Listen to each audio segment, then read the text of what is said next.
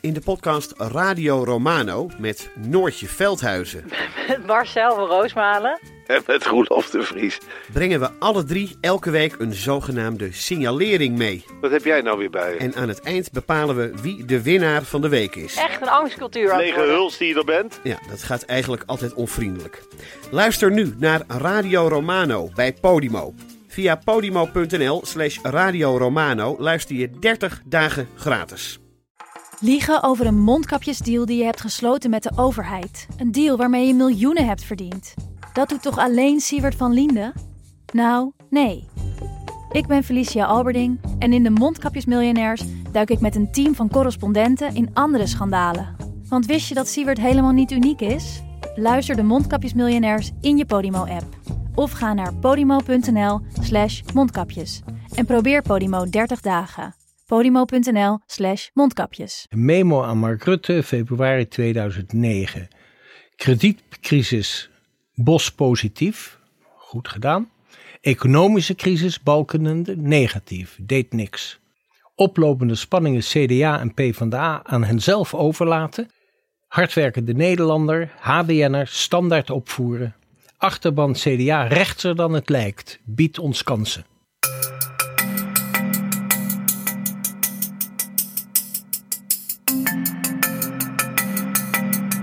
Dit is Betrouwbare Bronnen met Jaap Jansen.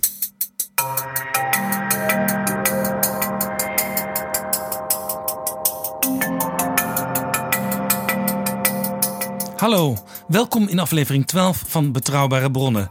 Dit was de week waarin de Eerste Kamer debatteerde over het uit de grondwet halen van de benoemde burgemeester. Het was ook de week waarin het einde van de Eerste Wereldoorlog herdacht werd, nu precies 100 jaar geleden. De grote oorlog waar Nederland angstvallig buiten bleef. Ik volgde de herdenking in Frankrijk en PG straks in de historische rubriek de herdenking in Engeland. Met PG kijk ik ook naar de opkomst van Rob Jetten, door sommigen Robot Jetten genoemd. De nieuwe D66-leider kan troost putten uit de beginfase van latere grootheden als Ruud Lubbers en Frits Bolkestein, bij wie in het begin ook niet alles van een leien dakje ging.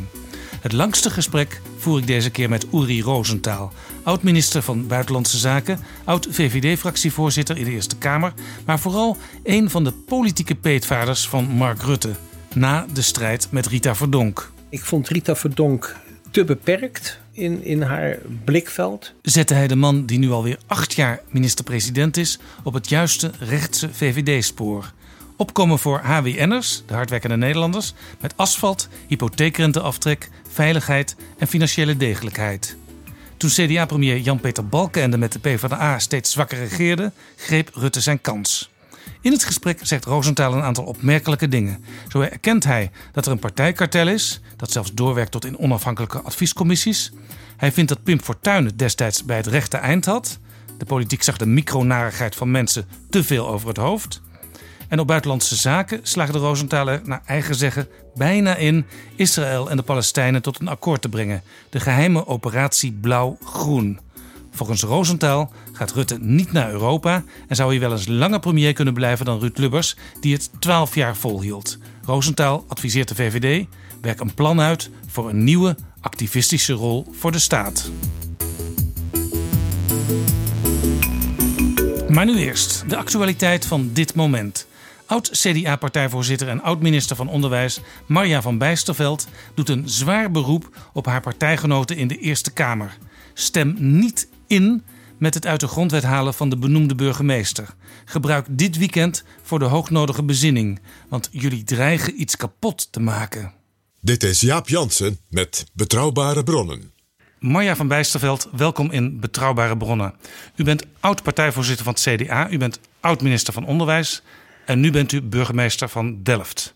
U schreef twee weken geleden met een aantal collega-burgemeesters een brief aan de hoog edelgestrenge leden van de Eerste Kamer. Ik heb die brief hier. Welke passage is u het meest uit het hart gegrepen? Wilt u die misschien voorlezen? Ik denk dat de passage dat eh, wij willen erg graag als burgervader of burgermoeder uh, kunnen zijn voor al onze inwoners, bedrijven en instellingen. Dat dat misschien wel het allerbelangrijkste is. Leest u die eens voor? Uh, ja, die staat hier uh, letterlijk. wij willen er graag als burger en vader, pardon, burgervader of burgermoeder kunnen zijn voor al onze inwoners, bedrijven en instellingen. En wat is daar de gedachte achter? Uh, dat je daadwerkelijk burgemeester bent uh, van iedereen in de stad. Uh, voor mij dan de stad, soms het dorp. En dat is denk ik de kracht van de wijze hoe nu de burgemeester aangesteld wordt. je hebt geen campagne gevoerd. je hebt geen verkiezingsbelofte hoeven te doen. er wordt eigenlijk maar één ding van je gevraagd: het algemeen belang. En er zijn voor iedereen. En als je dat kan doen, en dat kan je doen omdat je op deze manier aangesteld bent door die hele gemeenteraad, want die gemeenteraad die democratisch gekozen is, die speelt een hele belangrijke rol in die benoemingsprocedure. Uh, dan uh, heb je ook, uh, kan je ook het vertrouwen krijgen van mensen. en dan kan je ook die verbindende burgervader of burgermoeder zijn. Ja, en in de brief staat eigenlijk de vrees van u en uw collega-burgemeesters dat uh, die speciale rol van de burgemeester onrecht aangedaan wordt als die wordt overgeleverd aan de politieke waan van de dag. Dat staat letterlijk in de laatste zin van die brief. En u schreef daarin: Wij wensen u, de Eerste Kamerleden, veel wijsheid. Mag ik nog even vragen? Die brief, hoe is die tot, tot stand gekomen? Wie heeft het initiatief genomen? De burgemeester van Dort heeft het initiatief genomen. Ja. Ah. En, uh, maar die heeft ja, zeg maar vrij snel een hele grote groep uh, burgemeesters, eigenlijk uit allerlei achtergronden, uh, gevonden om, om te steunen. Ja. De burgemeester van Dordrecht is Wouter Kolf. Ja. Ehm, hij nam contact met u op, neem ik ja, aan. Klopt. Ja. En u zei meteen, ja, daar wil ik al aan meedoen. Ja, meteen ja. Ik heb afgelopen juni tijdens het partijcongres van het CDA... lag er een resolutie van het CDA. Uh, eh, en uh, ik heb daar ook in het openbaar de resolutie verdedigd. en tot mijn vreugde stemde een overgrote meerderheid ook in met deze resolutie. dus de partij heeft daar echt gewoon ja, wel een heldere mening over. Het CDA zegt dan eigenlijk in uw lijn: hou de benoeming van de burgemeester in de grondwet. Ja. Want zoals het nu gaat, gaat het goed. U zei net, en u citeerde uit uw brief dat de burgemeester van alle inwoners van een stad, van een dorp, van een gemeente moet zijn. Waarom kan dat dan niet als dat simpele zinnetje uit die grondwet verwijderd wordt? Nou kijk, het simpele zinnetje uit de grondwet is één. Ehm, eh, maar dat zegt ook iets over de benoemingswijze. Uh, en uh, de zorg is natuurlijk, wat is de volgende stap? Uh, en tot op heden is gebleken dat het feit dat het in die grondwet stond, dat je daar ook twee, meer, twee derde meerderheid voor nodig hebt en twee keer ook een uh, behandeling in de Kamers om dat eruit te halen, dat dat ook eigenlijk een soort borg was om het ook daadwerkelijk zo te houden. Uh, op het moment dat het daar uitgaat, ja, dan kan het gewoon bij wijze van spreken elke vier jaar weer een punt zijn van we regelen het nu zo, uh, we regelen het de volgende keer anders. Uh, je ziet het met meer onderwerpen gebeuren. En dat draagt gewoon niet bij aan de stabiliteit die nodig is in het lokaal bestuur. Juist ook ja, hoe je met elkaar de zaken regelt. En ik voor mij uh, is het waardevolle dat het nu op deze manier in die grondwet staat, is dat die rol van die burgemeester heel uh, steady is en heel duidelijk. Uh, hij verhoudt zich heel subtiel, maar goed ten opzichte van de gemeenteraad die direct gekozen is en zeg maar de politieke macht heeft. En de wethouders die weer door de gemeenteraad benoemd worden. En het is eigenlijk een heel vernuftig systeem, wat nou, het over overgrote deel, ik denk meer dan 90% van de gemeente, gewoon heel goed werkt. En dan denk ik, als iets goed werkt, neem dan niet het risico om er één deel uit te halen. Eigenlijk geen beeld te hebben van hoe je het in zijn totaliteit wil doen. Uh, maar op dat moment wel uh, die positie veel kwetsbaarder Want maakt. Wat is het risico? Uh, stel je schrapt het uit de grondwet waar het nu naartoe lijkt te gaan. Minister Olongren van Binnenlandse Zaken heeft in het debat dinsdag gezegd. We hebben geen verdere plannen voor nadere invulling. Dus voorlopig verandert er waarschijnlijk helemaal niets. En u zei zojuist, uh, de rol van de gemeenteraad is heel belangrijk. nou, die blijft misschien heel belangrijk. Ik mag het hopen, want ik vind een gemeenteraad uh, die gewoon uiteindelijk de volle breedte representeert van een gemeente, vind ik een groot goed. Uh, en ik uh, geloof ook van harte dat de minister het wel meent. maar hoe lang? ja, een kabinet is over drie, vier jaar ook weer toe aan een volgende fase. Er komt weer een nieuwe mensen, een nieuwe ploeg. en dat is eigenlijk heel snel voorbij. Ik proef bij u eigenlijk de angst. De sleutel gaat nu van het slot af. Ja. De deur gaat op een kier. En wat er daarna gebeurt, dat weten we niet. Ja, ja, ja. en ik in, een aantal uh, bij de eerste lezing hè, van, van uh, deze uh, wijziging van de grondwet is er door de Eerste Kamer zelf gezegd: wij willen dit in de tweede lezing niet behandelen dan nadat er een heldere visie ligt op hoe het lokaal bestuur dan in elkaar zou moeten zitten. Die visie ligt er niet. En er wordt nu wel, uh, uh, nou ja, dreigt wel te worden ingestemd. En ik hoop van harte ja, dat dat niet gaat gebeuren. En dat we toch met elkaar, juist die Eerste Kamer, die zo uh, de zorg heeft over de grondwet, zo de zorg heeft over stabiliteit in, het, in, de, in, in het openbaar bestuur, dat die toch nog eens één keer goed nadenkt en zegt van hé hey mensen, maar zouden we eigenlijk toch eerst een beeld moeten hebben, hoe willen we dat dan? Grondwetwijziging gaat in twee rondes. U verwees naar de eerste lezing. Dit is de tweede lezing. Dat is de definitieve, het definitieve moment. Daar heb je ook heel veel stemmen voor nodig. Hè? Tweederde meerderheid. In de eerste lezing stemde uw partij, u bent oud-voorzitter van het CDA, stemde tegen de verandering, tegen het uit de grondwet halen. Ja, en dat past heel goed bij onze lijn van denken. Ja. Inmiddels is het CDA regeringspartij. Deze week was het debat. Aanstaande dinsdag wordt er gestemd. Hoe keek u naar het debat? Ik heb zelf uh, het debat uh, niet op tv kunnen volgen, want ik had heel veel andere dingen te doen. Uh, ik had een inleiding hier in de stad over het belang van een verantwoordelijke samenleving. Heel mooi onderdeel van het CDA-gedachtegoed. Waar juist ook de kracht van het lokaal bestuur als heel relevant gezien wordt, omdat heel veel dingen gebeuren gewoon ja, zeg maar, in uh, steden, dorpen, wijken, buurten. Er wonen geen mensen aan het Binnenhof. Er wonen mensen hier gewoon in de stad. Ja, u kwam dus thuis in een, in een roes van... wat is het toch fijn dat we samen die verantwoordelijke samenleving kunnen vormen? Ja, ik ben heel erg... Ik, ik hou heel erg van het CDA-gedachtegoed. Uh, en uh, in dat licht ehm, ja, maak ik me dus wel nu hele grote zorgen... dat de Eerste Kamer... Uh, uiteindelijk uh, dat solide lokaal bestuur en die solide inrichting van het lokaal bestuur uh, toch voor een deel op de tocht zet.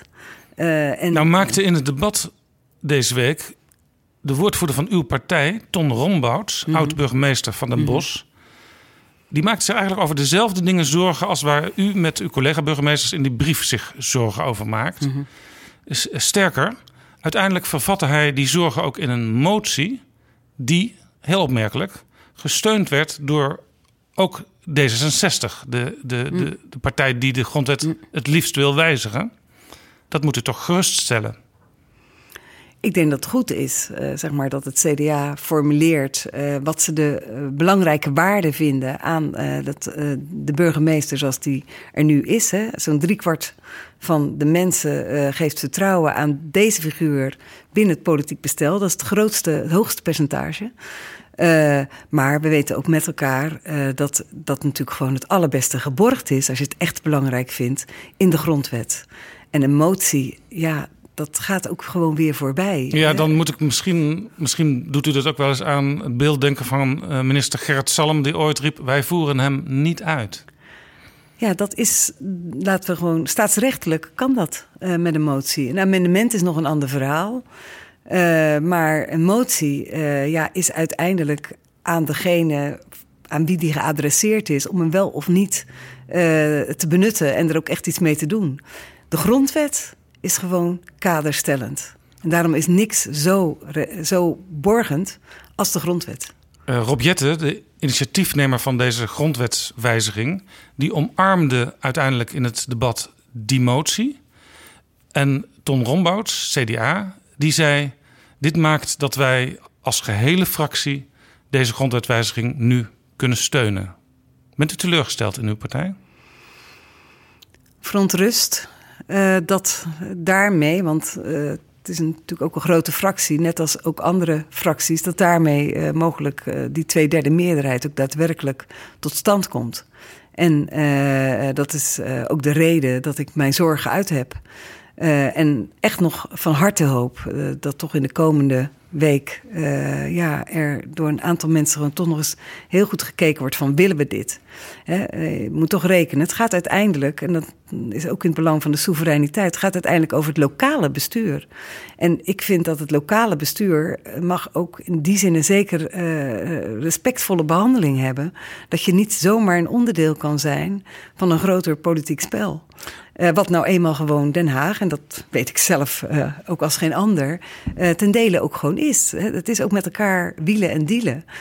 alleen, ik vind het lokaal bestuur te kostbaar.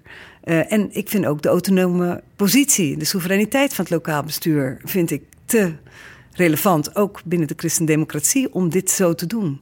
En ja, daarvan hoop ik echt dat een Eerste Kamerfractie zegt: mensen, we hebben er toch nog eens heel goed over nagedacht. Maar dit is niet verstandig, want dit, dit draai je nooit meer terug. Op Twitter schreef u de ochtend na het debat dat u verbijsterd was. Ja, ja dat ben ik ook. Ik vind het ook, uh, ja, ik ben ook echt heel erg verontrust. Heel erg verontrust. Omdat ik uh, nu elke dag gewoon zie in mijn functioneren als burgemeester de waarde van het feit dat ik niet gekozen ben. Dat ik niet mijn oren hoef laten hangen naar een deel van het volk, maar dat ik gewoon van iedereen ben. Dat ik onvervroren het algemeen belang mag behartigen. Dat mensen mij ook zo zien als niet partijdig. Uh, uh, en dat ik daarmee die verbindende rol kan spelen. Uh, naast onze politici die gewoon zorgen dat de, de, representatieve democratie zijn werk kan doen. Dus het is een belangrijk toegevoegd iets, wat ook door heel veel mensen gewaardeerd wordt. En wat nu eigenlijk, zonder dat er een probleem is, op de tocht gezet wordt. In het debat werd aan Ton Rombouts gevraagd of hij, was hij nog burgemeester, deze brief ook had kunnen ondertekenen. Zijn antwoord was ja, dat had waarschijnlijk wel gekund. Maar ik heb nu een andere verantwoordelijkheid. Ik ben nu senator. Ja, dat is de afweging van de heer Rombouts. Ja. Het is natuurlijk ook zo dat het CDA in een coalitie zit nu met eh, de initiatiefnemer D66. En dan gun je elkaar wat. Zeker. Uh, en dat moet je ook altijd doen. Uh, en zeker voor een Tweede Kamerfractie. Uh, laat me zeggen, moet je uiteindelijk met elkaar ook tot compromissen komen. Maar ik vind de Eerste Kamerfractie heeft een hele bijzondere rol waar het gaat om de grondwet. En ook waar het gaat om evenwichtig en balans, gewogenheid en balans in het openbaar bestuur. En als ik kijk naar het lokaal bestuur, ons lokaal bestuur. Hè, je hoort heel veel mensen zeggen: ja, we zijn ongeveer nog de enige in de wereld die we dit hebben. Nou, Laten we blij zijn met ons lokaal bestuur. We moeten gewoon autonoom durven zijn. We zien het op heel veel plekken in de wereld uh, uh, niet goed gaan. Uh, en bij ons eigenlijk gewoon, ja, 99% van de gemeente gaat het gewoon heel goed. En dat is, ben ik van overtuigd, dankzij die balans tussen de echte representatieve democratie in de raad. en ook de rol van de burgemeester, die uiteindelijk niet politiek hoeft te zijn, juist ook echt het belang van eh, het algemeen belang en het belang van al die burgers uh, uh, ja, kan dienen. en tenslotte wel gewoon in grote mate uitgekozen wordt door de Raad. Dus daar ligt echt toch ook de link naar, naar, een, naar de democratie, zoals overigens de Eerste Kamer zelf ook op die wijze tot stand komt. Hè? De verkiezing door de Staten. De hoogste CDA in het kabinet is de vicepremier Hugo de Jonge. Dat is een goede bekende van u, want hij, je zou kunnen zeggen, hij heeft van u het politieke vak geleerd. Hij was uw uh, politiek assistent. Heeft hij niet goed naar u geluisterd destijds?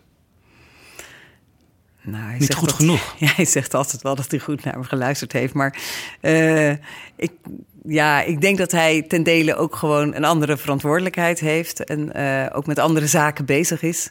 Hè, uh, ik zou ook denk ik niet snel iets zeggen over een terrein als de gezondheidszorg of uh, arbeidsmarkt of asielzoekers of noem maar op. Dit is echt iets waarvan ik als ja, vakvrouw, zo zie ik mezelf, ondervind hoe relevant het is dat het dit moment is zoals het is.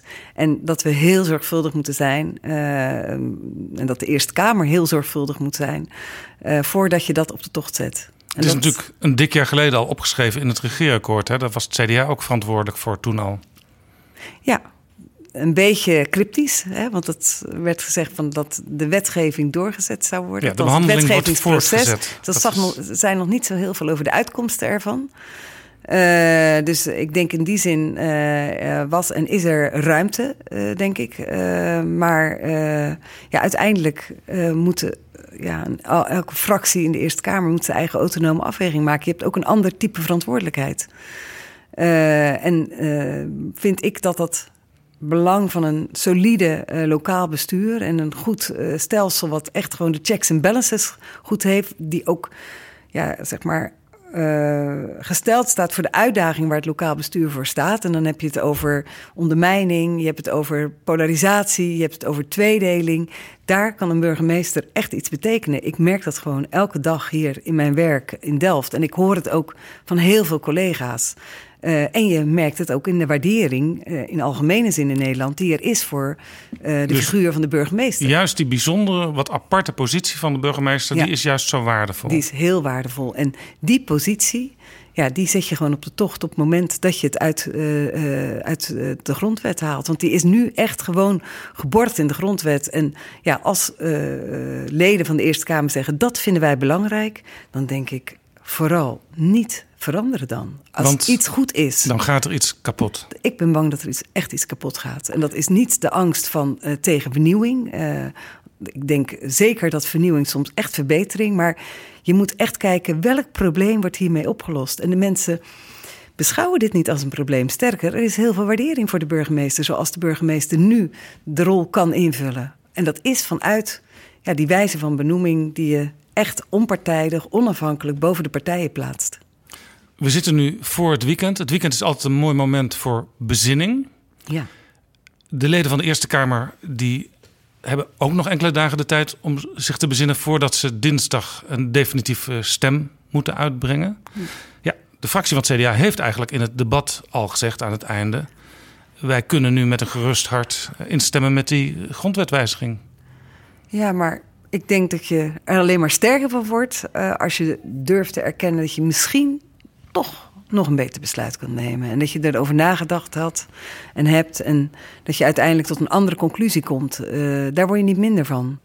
En ik denk dat als we het echt eerlijk op zijn beoordelen, dan weten we gewoon dat uh, het vastleggen in de grondwet ja, gewoon de meeste zekerheid biedt dat deze belangrijke waarden uh, in dat lokale bestuur, waar zoveel verantwoordelijkheid inmiddels neergelegd wordt, waar ook zoveel gebeurt tussen mensen in wijken en buurten, dat je uh, dat. ja, naar mijn gevoel echt moet eerbiedigen. En ook echt moet zorgen dat je dat ook borgt, ook naar de toekomst toe. En dat doe je echt het beste door gewoon die grondwet en die positie van de burgemeester in die grondwet, door die gewoon echt te handhaven. Dit is audio. Ik zie hoe u er soms in dit gesprek bij kijkt. U bent echt, u bent echt heel erg begaan met dit onderwerp. En ik, ik, merk dat u met angst en beven toch naar die dinsdag kijkt, wat daar uiteindelijk gaat gebeuren. U staat bekend, uh, Marja van Bijsterveld, als een van de invloedrijkste mensen in het CDA. Veel mensen kennen u en veel CDA's waarderen uw adviezen. Denkt u dat bijvoorbeeld met deze oproep de CDA Eerste Kamerfractie nog om te turnen is? Laat ik het zo zeggen, ik hoop het van harte. Dank u wel voor dit gesprek. Graag gedaan. Jaap Jansen en Pieter Gerrit Kroeger duiken in de politieke geschiedenis. Welkom, PG. Vorige week hadden we het met de Buma's over het Europa van 200 jaar geleden. Dit weekend stond het Europa van 100 jaar geleden in de schijnwerpers. Het einde van die vreselijke grote oorlog. En jij hebt die herdenking ook meegemaakt? Ja, uh, bij de Buma's ging het over 200 jaar uh, revolutie, slachtingen. 15.000 jongens uit, uit, de Nederlanden met uh, Napoleon naar Moskou. 500 die levend terugkomen. Nou, de Eerste Wereldoorlog, uh, die doet daar soms een beetje aan denken, de verhalen. de slag bij Verdun, de slag aan de Somme. op geen dag in de geschiedenis zijn er bijvoorbeeld zoveel jonge Engelsen in één keer gestorven als bij de slag aan de Somme. Uh, wat wij hier in West-Europa minder weten, zijn de ongelooflijke slachtingen, ook in Oost-Europa. In Galicië, hè, wat nu dus de Oekraïne is, hè, rond Lemberg, Lviv nu, maar ook in Oost-Pruisen, uh, in Rusland, tot diep in de Oekraïne. Wat bijna niemand weet, is dat de Duitse troepen van, de, van keizer Wilhelm in 1917, 1918 bijna net zo ver kwamen als Hitler in 1941. Dus ook die Eerste Wereldoorlog, net als dus Napoleon naar Moskou. En net als de Tweede Wereldoorlog was ook uh, voor het Russische volk, het Poolse volk, de Oekraïners verschrikkelijk. Gruwelijke oorlog. Hij werd op meerdere plaatsen tegelijk herdacht op zondag. Uh, ik heb vooral gekeken naar wat er in Frankrijk eh, gebeurde. Hele mooie verhalen van jongeren die teksten voorlazen. Mouti, zoals jij altijd noemt, mevrouw Merkel Macron en Trump zaten naast elkaar. En daarachter torende hoog bovenuit Mark Rutte. Boeiend dat de Fransen eh, de premier van een land dat in de hele Eerste Wereldoorlog neutraal was en vooral flink verdiende aan eh, de oorlogshandelingen van de andere landen, dat die toch mocht komen. Laten we maar zeggen, dit bewijst dat de samenwerking binnen de Alte Club met de En Marche Club van Macron blijkbaar voorspoedig gaat. Ja, er werd ook op het Binnenhof eh, naar de hand over gespeculeerd dat Rutte misschien wel bewust zo'n prominente positie had gekregen, want hij kreeg ook als een van de eerste van Trump een hand. Uh, omdat toch in Europa langzamerhand een soort droom ontstaat bij sommigen om Nederland heen. Dat Rutte misschien wel eens de ideale leider kan worden van de Europese Raad. Dus opvolger van Donald Tusk. Ik denk dat er iets veel, uh, laat ik zeggen, banalers is. Uh, als je kijkt naar de personen Macron, Poetin en mevrouw Merkel en naar Mark Rutte. Hij is zoveel langer en groter en uh, extraverter in zijn uitstraling dat een man als Trump uh, hem gewoon als eerste ziet. Ik keek dus naar die Franse herdenking. Jij keek naar de Britse herdenking en dat was misschien ook wel symbolisch, want Theresa May, de premier, is dus niet naar Europa gekomen voor de herdenking. May heeft wel een kranslegging gedaan, ook in uh, Frankrijk en met name ook in België, waar natuurlijk bij Ypres de ongelooflijke slachtingen zijn geweest. Waar heel veel Engelsen zijn gesneuveld. Maar mevrouw May was dus op de zondag 11 november in Engeland. Uh, omdat daar het echt The Great War, zoals ze het daar noemen. The Second World War en The Great War. Dat alleen al het taalgebruik, dat zegt dat al. Uh, een, iets groots nationaal is. Ook doordat ze jaarlijks met die, met die, die poppies, die rode klaprozen van Vlaanderen, geld ophalen voor veteranen en voor gewonden en hun weduwen en hun kinderen. Dus dat is een enorme actie in Engeland. Dat levert ook heel veel. Dus het feit dat de uh, prime minister in Engeland bleef, dat is, heeft niks te maken met de Brexit, want dat is altijd zo. Zij moet natuurlijk ook de Queen uh, bijstaan. En nu was Prins Charles uh, erbij betrokken. En er was natuurlijk nog iets. Er was zeker nu met 100 jaar uh, wapenstilstand, de armistice, zoals we dat zo mooi noemen, was er natuurlijk aan het eind van de zondag om, zeg maar, om zes uur, onze tijd dus vijf uur in Engeland, was er een kerkdienst in Westminster Abbey. En dat is natuurlijk toch een land met een staatskerk. En vergeet niet, Koningin Elisabeth is hoofd van de kerk. En dat is iets wat zij, ze is een zeer gelovige vrouw, buitengewoon serieus neemt.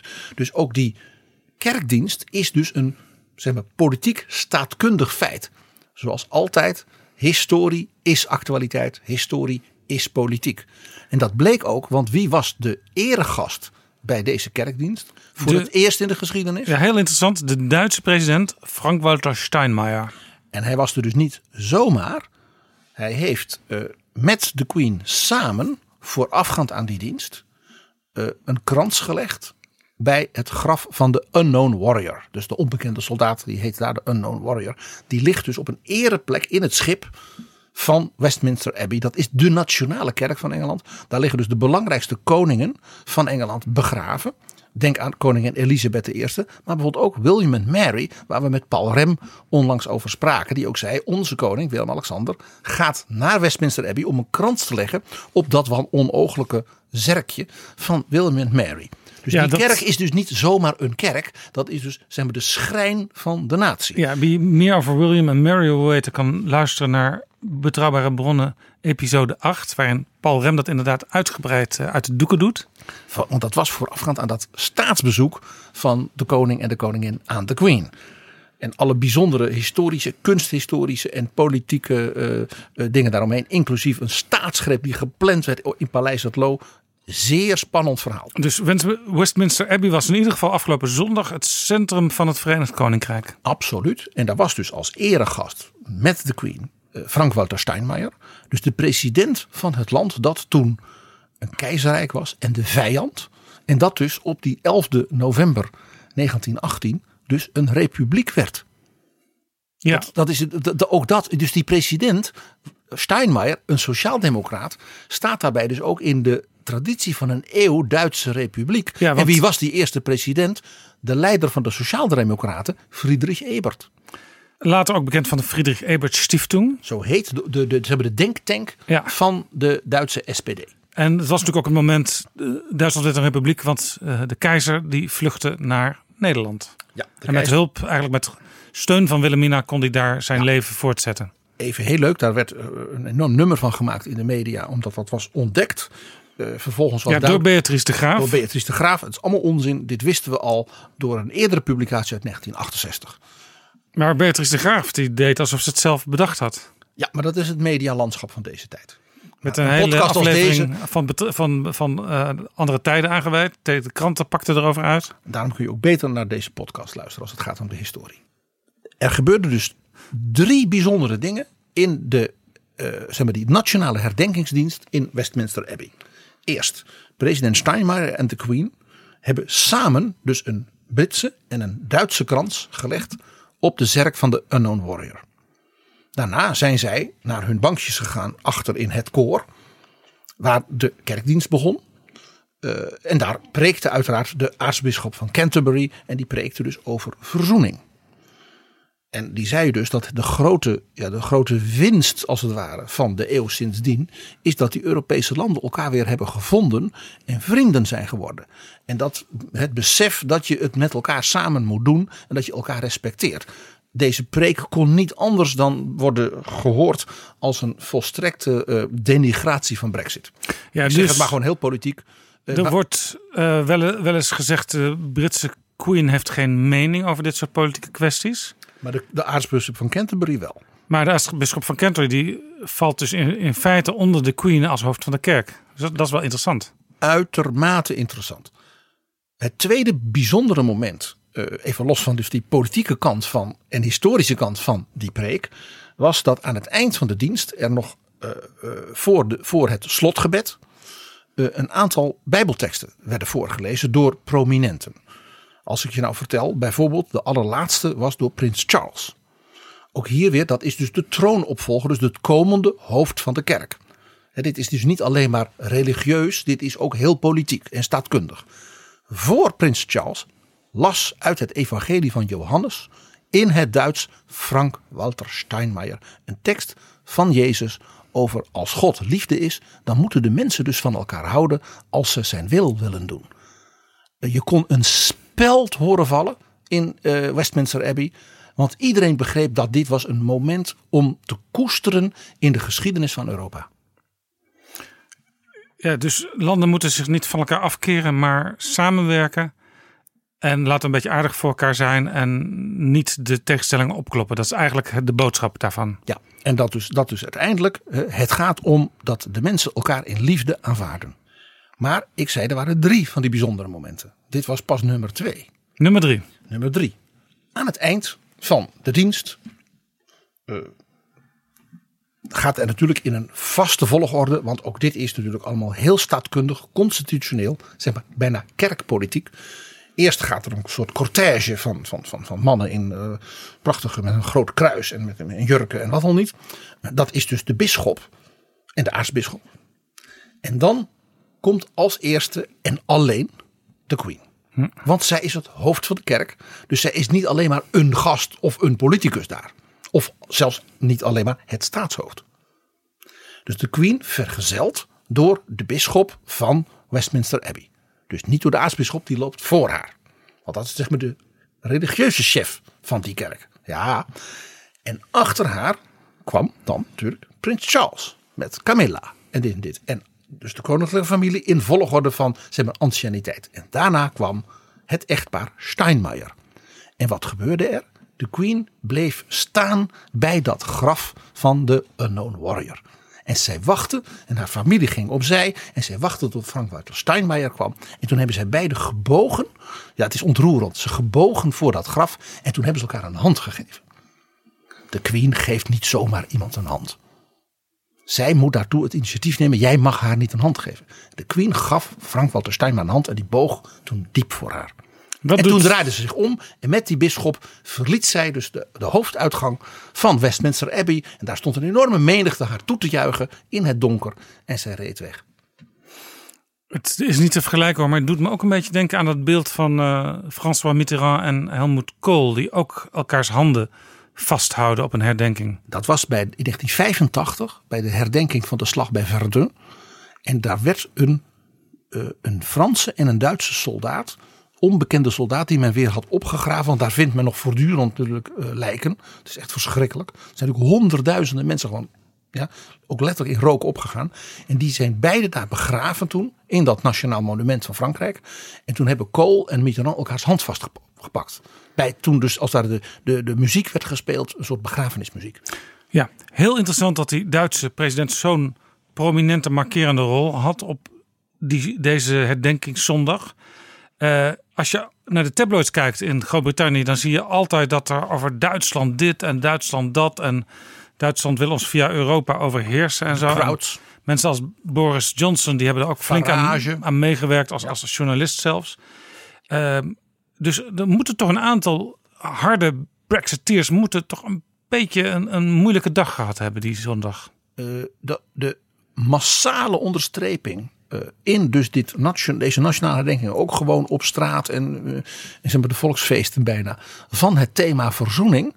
laat ik zeggen, je zou bijna zeggen dat is heel knap hoe Queen Elizabeth als dame van in de negentig als het ware door haar verschijning en de manier waarop ze het het programma als het heeft laten culmineren in deze kerkdienst, hoe ze als het ware daarmee de toon heeft gezet voor de natie. En dat is toch eigenlijk de rol ook van het staatshoofd. Laten we van het hart van eh, het Verenigd Koninkrijk op de herdenkingsdag 100 jaar eh, einde Grote Oorlog. Van dat hart van het Britse Koninkrijk teruggaan naar het centrum van de Nederlandse politiek, het Binnenhof. En ook hier is historie actualiteit. Zij het gelukkig, laten we onze zegeningen tellen zoals dat heet. Minder bloederig, minder gewelddadig, maar wel spannend. Wij kijken naar wat er gaande is in de Eerste Kamer der Staten-Generaal. En dat moet veel vaker gebeuren. Daar staat de nieuwe leider, de jonge leider, 31 is hij, van D66, Rob Jetten. En hij verdedigde daar afgelopen dinsdag. En volgende week dinsdag is daar hoogstwaarschijnlijk de stemming over. Zijn wetsvoorstel om de benoemingswijze van de burgemeester uit de grondwet te halen. We weten nu eh, dat de, eh, ja, de burgemeester wordt benoemd door de kroon. Dus zeg maar door de minister van Binnenlandse Zaken in de praktijk. Op voordracht van de gemeenteraad. Eh, er wordt altijd ontzettend geklaagd. Via een vertrouwenscommissie met bij voorkeur alle partijen, zodat zo'n burgemeester echt gedragen wordt door de mensen. Precies, en die leden van die vertrouwenscommissie die moeten hun mond houden over alles wat daar besproken wordt. Ik vroeg op Twitter nadat Femke Halsema in Amsterdam eh, gekozen was en dus uiteindelijk benoemd zou worden tot burgemeester. Vroeg ik aan verschillende raadsleden hoe zij eh, gestemd hadden en hoe zij in die commissie hadden geopereerd. Nou, en dat ik die vraag überhaupt al stelde, dat werd mij hoogst kwalijk genomen. En terecht. Dus dat geeft al aan hoe, hoe, hoe een anomalie eigenlijk dat, dat die tekst in de grondwet is. Dus in die zin begrijp ik heel goed dat Rob Jetten die uit de grondwet wil halen. Vervolgens is natuurlijk de vraag, wat gaat er dan gebeuren? Wordt de burgemeester dan door de bevolking gekozen? Wordt hij door de gemeenteraad gekozen? Maar daarvan zegt Rob Jetten, dat laat ik in het midden. Want in het verleden is daar een soortgelijk voorstel op gesneuveld. Kortom, wat we dus doen, is dat we uit het huis van Torbekke een stuk van het fundament eruit trekken. En wat er vervolgens eh, dan moet gebeuren, dat wordt een soort free for all. Kortom, dit is weer eh, eh, staatkundige vernieuwing van likmefessie. En ik vind het allemaal weer treurig. Het klinkt eh, alsof ik een VVD of CDA Eerste Kamerlid hoor. Wat, Die eh, dat achter de hand dan ook, ook tegen jou en tegen mij zeggen. Ja. Ja, en wat ook eh, in nettere bewoording natuurlijk in het debat werd gezegd van... we hebben nog heel veel vragen, die zijn nog lang niet allemaal beantwoord. Dus we kunnen ook nog niet zeggen wat we uiteindelijk gaan stemmen. Maar die onzekerheid, dat, daar werd heel erg op gefocust. Wat we dus hier kunnen gaan meemaken, en dat is weer politiek historisch ongelooflijk interessant, is dat een jong parlementariër, nog jonger fractievoorzitter van een regeringsfractie, als individueel Kamerlid, dus op weg is naar wellicht zijn sternstunde als politicus, namelijk iemand die dus in de grondwet iets gaat veranderen van zeg maar, de pen van niemand minder dan Rudolf Thorbecke. Als hem dat lukt, nou, eh, eh, petje af. Dus ik gun, laat ik zeggen, als historicus Rob Jetten eh, succes. Eh, wellicht op inhoudelijke gronden eh, en mijn opvatting over het staatsrecht volstrekt niet. Maar als historicus zeg ik, het zou een, een, een, een echt een huzarenstukje zijn als hem dit lukt. Maar voor hetzelfde geld, om met Gerlakes Buma te spreken, wordt het zijn Waterloo op dit front. Vandaar dat ik zei, we gaan dus een zeer spannende week tegemoet voor staatsrechtgeleerden, voor mensen die houden van de geschiedenis van ons land en ons staatsrecht en dit, en voor D66 en ook de persoon Rob Jetten. Nou, eh, ik zeg het maar gewoon ronduit, de wijze waarop men hem sinds zijn aantreden heeft behandeld in bepaalde media en dergelijke, is natuurlijk gewoon blaartrekkend. Ja, er werd gezegd, het is niet Rob Jetten, maar Robot Jetten. Want hij zegt op elke vraag geeft hij hetzelfde antwoord. Eh, dat eh, Jaap, jij en ik waren afgelopen vrijdagavond bij Politieke Junkies de grote finale. Daar werd ook die beelden weer vertoond. En wat je daar dus kon zien, is dat hij tegen een serie verschillende radiostations. Die allemaal dezelfde vraag stellen. Zou je ook kunnen zeggen, de journalisten vertellen allemaal dezelfde vraag. Dus keurig het antwoord gaf waarvan hij zei, nou ik wil dit zeggen en dan dat en dan dat. En dat heeft men dus gefilmd en achter elkaar herhaald. Ja, er was één, één gesprek van, eh, als ik me goed herinner, Frits Wester. Die ook een aantal keer dezelfde vraag stelde en dus hetzelfde antwoord kreeg. Maar het was wel, ik moet ook Rob Jetten hier te hulp komen, denk ik. Ik weet niet of hij dat nodig heeft, maar hij stond vlak voor zijn eerste confrontatie met zijn coalitiepartners, waarin hij zou gaan onderhandelen over wat gaan we doen met het geld wat vrijkomt als we de dividendbelasting niet afschaffen. En normaal is het zo, als je dan gepokt en gemazeld bent met je collega coalitiepartners, dan kun je ze iets eisen van nou ik zou ongeveer dat en dat willen. Want je weet dat je dat ongeveer binnenhaalt. Maar dat was natuurlijk voor Robiette, die fase was nog niet aangebroken. Daar komt nog iets bij. Uh, bij het vertrek van Pechtold zit er dus nu in die fractie van de Tweede Kamer van D66 niemand meer die uh, heeft meegedaan in de onderhandelingen voor het regeerakkoord van Rutte 3. Want Koolmees zit in het kabinet. Minister van Sociale Zaken. En Pechtold is weg. Dus Rob Jette kan bijvoorbeeld bij het punt wat jij noemt ook niet zeggen. Ik weet nog dat ik toen in die onderhandelingen in een bepaalde fase met Buma en Segers tegen uh, Rutte en Zijlstra heb gezegd. Vriend, als je dat zo wil, oké, okay, maar dan krijgen wij dat terug. Dat weet hij gewoon niet. Precies, en dan van die kleine dingetjes als komt goed. Dat moet je je ook herinneren dan. Maar ja, als je er niet bij was, dan weet je het allemaal niet. Kortom, ik vind dat Rob Jette veel meer krediet had verdiend bij zijn start. Zo hoort dat ook. Je moet, de gunfactor is in een land van alleen maar minderheden van belang. En tegelijkertijd zeg ik er nog iets bij. Rob Jetten moet niet wanhopen. Ik heb twee voorbeelden van nieuw aangetreden fractievoorzitters die weggehoond werden in de media. De eerste is niemand minder dan Ruud Lubbers. Die was heel jong toen hij minister werd. Iets ouder dan Rob Jetten, maar niet veel. Hij was 34. Rob Jetten is 31. En Ruud Lubbers werd aantal jaren daarna volkomen onverwacht door de val van Wim Aantjes, fractieleider van het CDA. Het CDA had toen een verdeelde fractie, waarbij sommige leden ook vanwege de kernrakettenkwestie het kabinet van Achtwiegel maar nauwelijks wilden steunen. Ze werden ook wel de dissidenten of loyalisten ja. genoemd. Ruud Lubbers, die heel jong minister van Economische Zaken werd in het kabinet Den Uyl. Ja, hij was 34. Drie jaar ouder maar dan Rob Jetten nu is, nu die fractieleider wordt. En minister in een tijd van, uh, met de oliecrisis, dus grote economische uh, gevaren voor het land en voor heel Europa. Dus je moet het maar doen. Nou, Ruud uh, bewees zich als minister zeer. was een, een geduchte opponent ook in discussies in het kabinet van de econoom. En de echt briljante econoom Joop den Uyl. Die waren echt aan elkaar gewaagd. Ruud Lubbers wordt vrij snel daarna fractieleider van het CDA. En dat was volkomen onverwacht en ongepland. Dat kwam door de val van Wim Aantjes. Ja. Nou, die fractie waar hij eh, de nieuwe voorzitter van was, die was dus plotseling haar voorzitter kwijt. Door een buitengewoon pijnlijke eh, historisch gebeuren. En dus er, was heel veel emotie natuurlijk ook in die fractie eh, over wat er gebeurd was. En die fractie was verdeeld. Die was verdeeld over de steun aan het kabinet van Acht Wiegel. Dus Ruud Lubbers die moest dat allemaal een beetje bij elkaar houden. En dat was het begin van het veelbespotte Lubberiaanse taalgebruik. Ja, Lubbers die dus uh, nooit het achterste van zijn tong liet zien. Omdat hij er belang bij had in feite alle opties open te houden. Want hij moest gewoon zorgen dat hij die laatste zetel van het CDA ook nog kon leveren. Ja, daarbij werd hij uh, uh, als fractieleider niet altijd zeg maar, warm gesteund door premier Dries van Acht. Uh, die twee hadden toch een wat, soms wat gespannen relatie.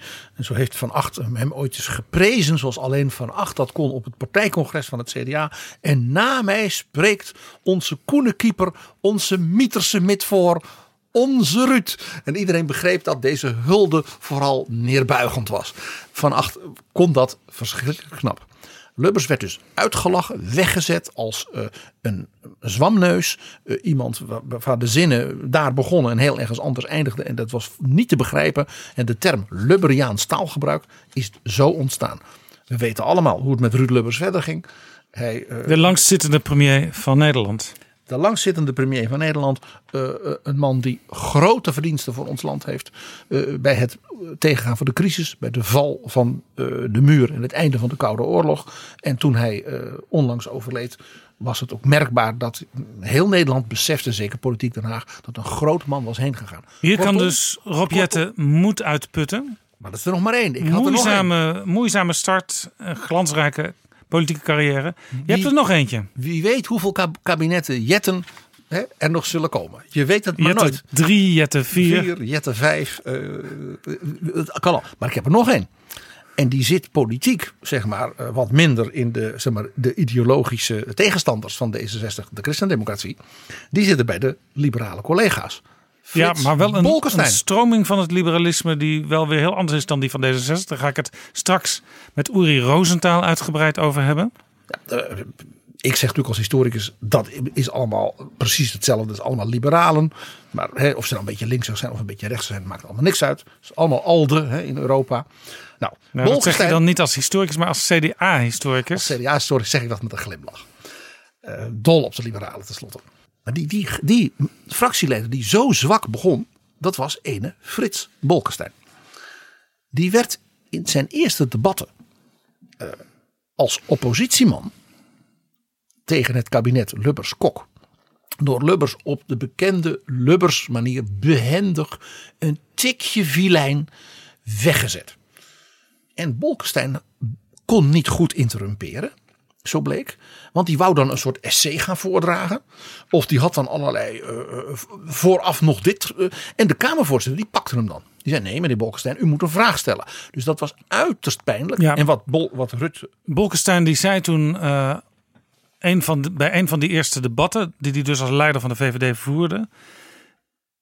Ik heb l'esprit de l'escalier. dat zou je kunnen vertalen als geestigheid op de trap. Dus je, je schiet je pas iets gevats te binnen als je alweer van dat spreekgestoelte af bent. L'esprit de l'escalier. Ja, en u, je begrijpt dat uh, mensen die van uh, de Franse taal en Duitse poëzie en dat soort dingen houden zoals ik, daar erg van kunnen genieten. Maar laat ik zeggen, ik ben dan ongeveer de enige. Want in, in, in de Tweede Kamer en bij de collega's vond men dit vooral gemaakt en geaffecteerd intellectueel gedoe. Dus dat werkte volkomen averechts. Lubbers die wist dit natuurlijk. Dus wat Lubbers deed, ook regelmatig, is dat hij Balkenstein prees als oud collega van in zijn kabinet. En dat is natuurlijk naar een oppositieleider of iemand die denkt dat hij oppositieleider moet doen, eigenlijk verschrikkelijk gemeen. Lubbers kon af en toe echt heel vilijn zijn. In de VVD heeft een hele tijd geleefd de gedachte dat Bolkestein te oud was. En ook een beetje te arrogant en te semi-intellectueel. Om überhaupt in 1994 lijsttrekker te kunnen worden. Kortom, Rob Jetten, even oud-Hollands, dispereert niet. Wanhoop niet.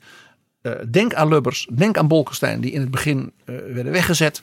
Trek je daar niks van aan. Wees jezelf, hou je eigen verhaal. En een ongevraagd advies: stop met wat natuurlijk al die oud-D66'ers nu tegen jou zeggen. Je moet ons verhaal doen. Dus dat hij weer van die belegen, grijs gedraaide platen over staatkundige vernieuwing. Of D66 als de onderwijspartij. Niet doen. Kom met je eigen verhaal. Nou is dit wel... Ja, moet ik toch een amendement op wat je net eh, sprak indienen, PG. Want eh Rob die is juist al in zijn pre-leidersfase... eh, heel erg bezig geweest met de kroonjuwelen van D66. Eh, namelijk hij heeft ze afgestoft, opnieuw tegen het licht gehouden, gewogen. En heeft een uitgebreid verhaal van tientallen pagina's over geschreven. Wat uiteindelijk heeft geresulteerd in een resolutie op het afgelopen D66-congres. Dat congres waar we natuurlijk in het nieuws hebben gezien dat Alexander Pechtold afscheid nam. Dus, dus niemand heeft dat, die, maar de- die resolutie natuurlijk onthouden. Hoofdmoot van het congres urenlang doorakkeren over eh, wat D66 met staatkundige vernieuwing wil. En dat was wel het ding daar op dat congres van Rob Jetten. Dus zonder dat de, de D66'ers daar in die zaal op een kleine groep na wisten, stond daar al de nieuwe leider urenlang aan de leden uit te leggen hoe het zat en dingen te verdedigen.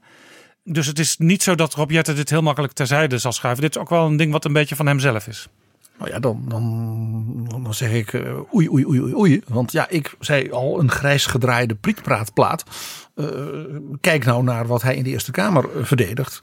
Dat is een kroonjuweeltje die, met die burgemeesters. Maar het is wel een heel klein pareltje hoor. Het uit de grondwet halen van de, de, de benoemingswijze. Dat is al eerder aan de orde geweest in de Eerste Kamer. Er zijn nog meer staatsrechtelijke dingen aan de orde geweest in de Eerste Kamer. Die eigenlijk nooit goed uitpakten voor D66. Nee, het aantal gesneuvelde staatkundige vernieuwingen. En met name dus in die Eerste Kamer gesneuvelde staatkundige vernieuwingen. Is opmerkelijk.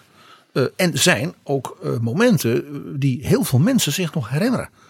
Eh, als, je, als je zegt de nacht van Wiegel. Dan zijn er een heleboel mensen die zeggen, oh ja, en toen moest er hoofdelijk worden gestemd. En toen, wat zei de Hans Wiegel? En toen was dus de, de, de griffier las voor, Wiegel. En zei, tegen. Dat ging over eh, het referendum, het correctief referendum. Dat was een correctief referendum en het was een, een, een droomwens van D66. En dat werd dus ingediend door het tweede Paarse kabinet. Waarin D66 na een hele zware verkiezingsnederlaag, hè, was ongeveer gehalveerd, nog net mee kon doen. Eh, En dus dit was een voorbeeld van D66 dat zich dus als nou ja, verliezer bij de verkiezingen kon profileren op zijn kernpunten, Ja. zijn kroonjuwelen. En het interessante was dat eh, Hans Wiegel, die had dus al een beetje laten doorschemeren in de media, zoals bijna niemand anders dat kan, alleen Hans Wiegel dat kan. Het orakel van Diever. Dat hij er grote moeite mee had en dat het de bijl aan de wortel van de democratie zou zijn, zo'n referendum. Had eh Von Hoff ook nog eens een boekje over geschreven. Eh, maar hij werd gebeld door zijn vrouw eh, ergens aan het eind van de middag, Wiegel.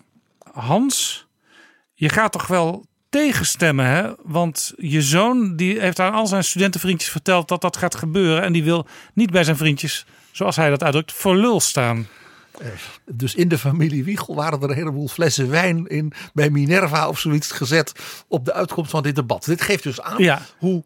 eh, En Wiegel heeft later wel eens verteld dat hij bij die stemming voor s- op zijn tafeltje een briefje had liggen met het woord tegen erop, zodat hij zich niet op het cruciale moment zou vergissen.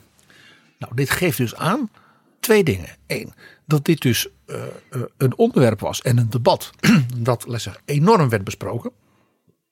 Het geeft ook aangeeft hoe relevant de Eerste Kamer als afwegingschambre de réflexion voor dat soort constitutionele dingen is.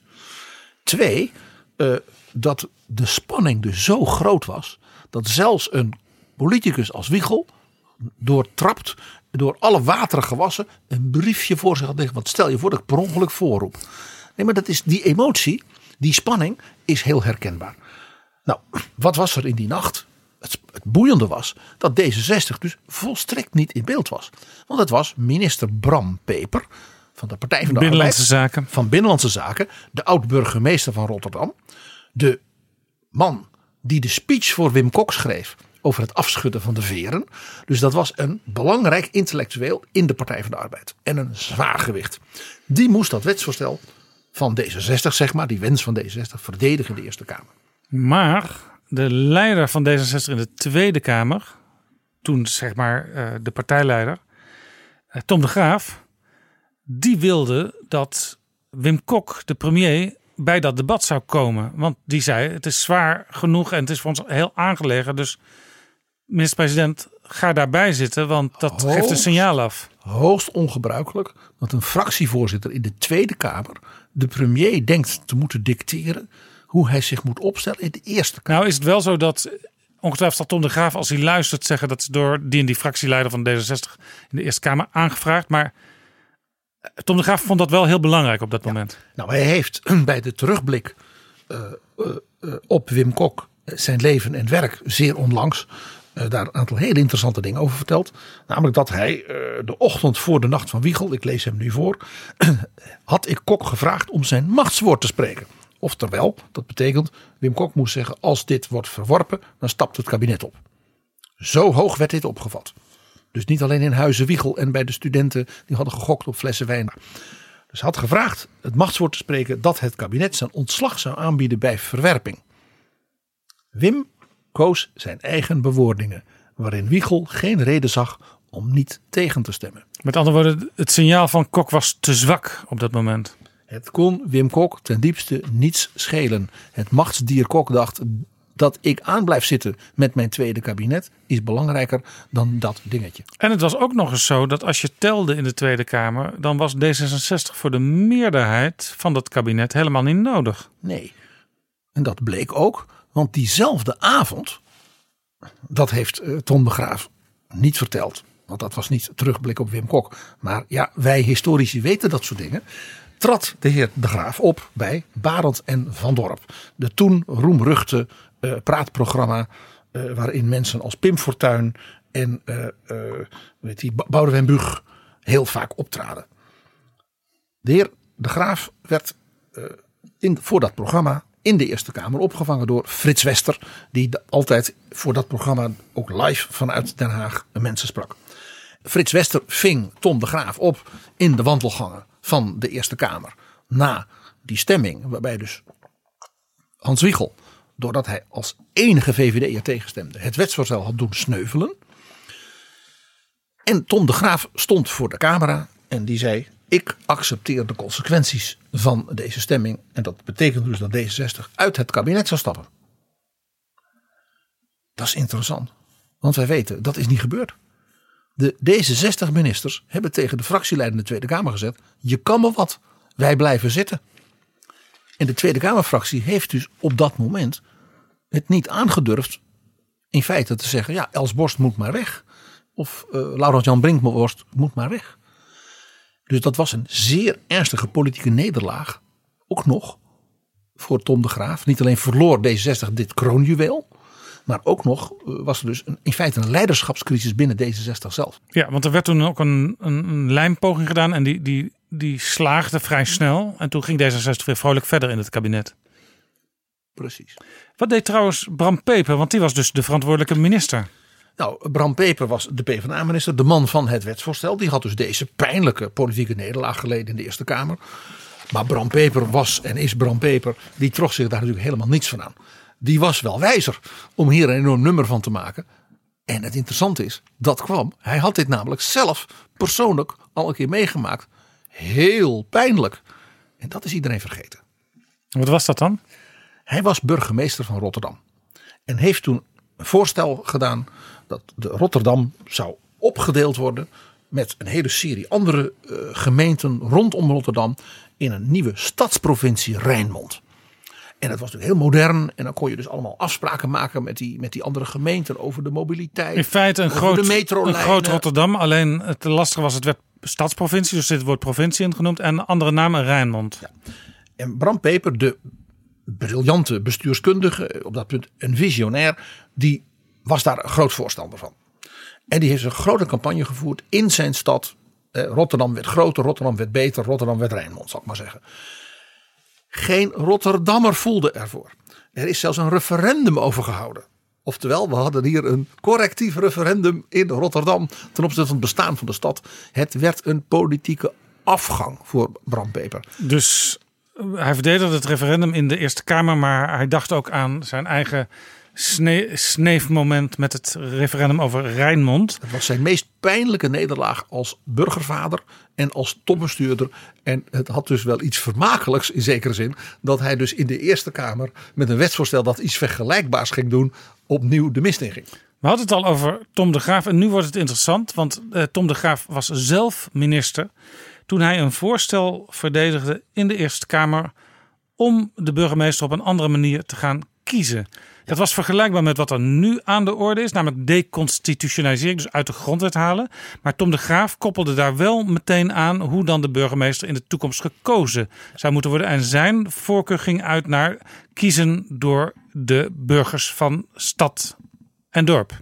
Ja, dus het wetsvoorstel van Tom de Graaf als vicepremier, dat was in het kabinet Balken en de Twee, ging dus veel verder dan uh, het wetsvoorstel, hè, wat ik al zei, het is wel een heel klein pareltje, dit kroonjuweel van Rob Jetten. Ja, dat doet dus, Rob Jetten niet voor niets. Nee, gezien niet. wat jij nu gaat vertellen. Ja. Er zit nog zoiets ontzettend leuks hieraan, namelijk het bruggetje tussen dus die, dat sneven tot twee keer toe van Bram Peper rond het referendum. Eén keer in Rijnmond en één keer in de Tweede Kamer. Eerste Kamer. Ja, in de, in de eerste, en in de Eerste Kamer. En, en het voorstel van Tom de Graaf. Toen namelijk het regeerakkoord van Balken en de twee. Met VVD, D66 en natuurlijk Balken en de CDA. van het CDA. Aankondigde dat men dit zou gaan doen. Dat was dus duidelijk een winstpunt in die onderhandelingen voor Tom de Graaf en D66. Toen maakte Bram Peper, ambteloos burger op dat moment, bekend als dat gebeurt, dan vind ik dat geweldig. Leven Balkenende, leven Tom de Graaf. En ik maak nu vast bekend dat ik dan bij de volgende burgemeesterswisseling in, uh, in, in Rotterdam, en dat zou in 2006 zijn, ben ik kandidaat om gekozen te worden door het volk als de burgemeester van Rotterdam. Hij gokte dus op twee dingen. Eén, op zijn blijvende populariteit bij de Rotterdammers. En op de PvdA-fractie in de Eerste Kamer onder leiding van Ed Fontijn, zijn oud collega van Amsterdam. Dat die dus dit zouden steunen. En uh, dat er dus uh, voor uh, Tom de Graaf een triomf zou komen. En daarna een triomf voor Bram Peper als gekozen maar, burgemeester van de stad aan de Maas. Little did Bram Peper know. Want Ed Fontijn die was helemaal geen voorstander van dat voorstel van Tom de Graaf. Hier speelden twee dingen. Je moet die Eerste Kamer met respect behandelen. Dat zijn senatoren, die mogen een wet niet wijzigen. Die mogen alleen voor of tegen stemmen. En die willen dus diepe, inhoudelijke, constitutionele, goede argumenten. Gebaseerd op de politieke historie, de staatkundige afwegingen en dergelijke. En Tom de Graaf is erin geslaagd in dat, in dat debat ongeveer de hele Eerste Kamer tegen zich in het harnas te jagen. Door een, laat ik zeggen, wat arrogante opstelling.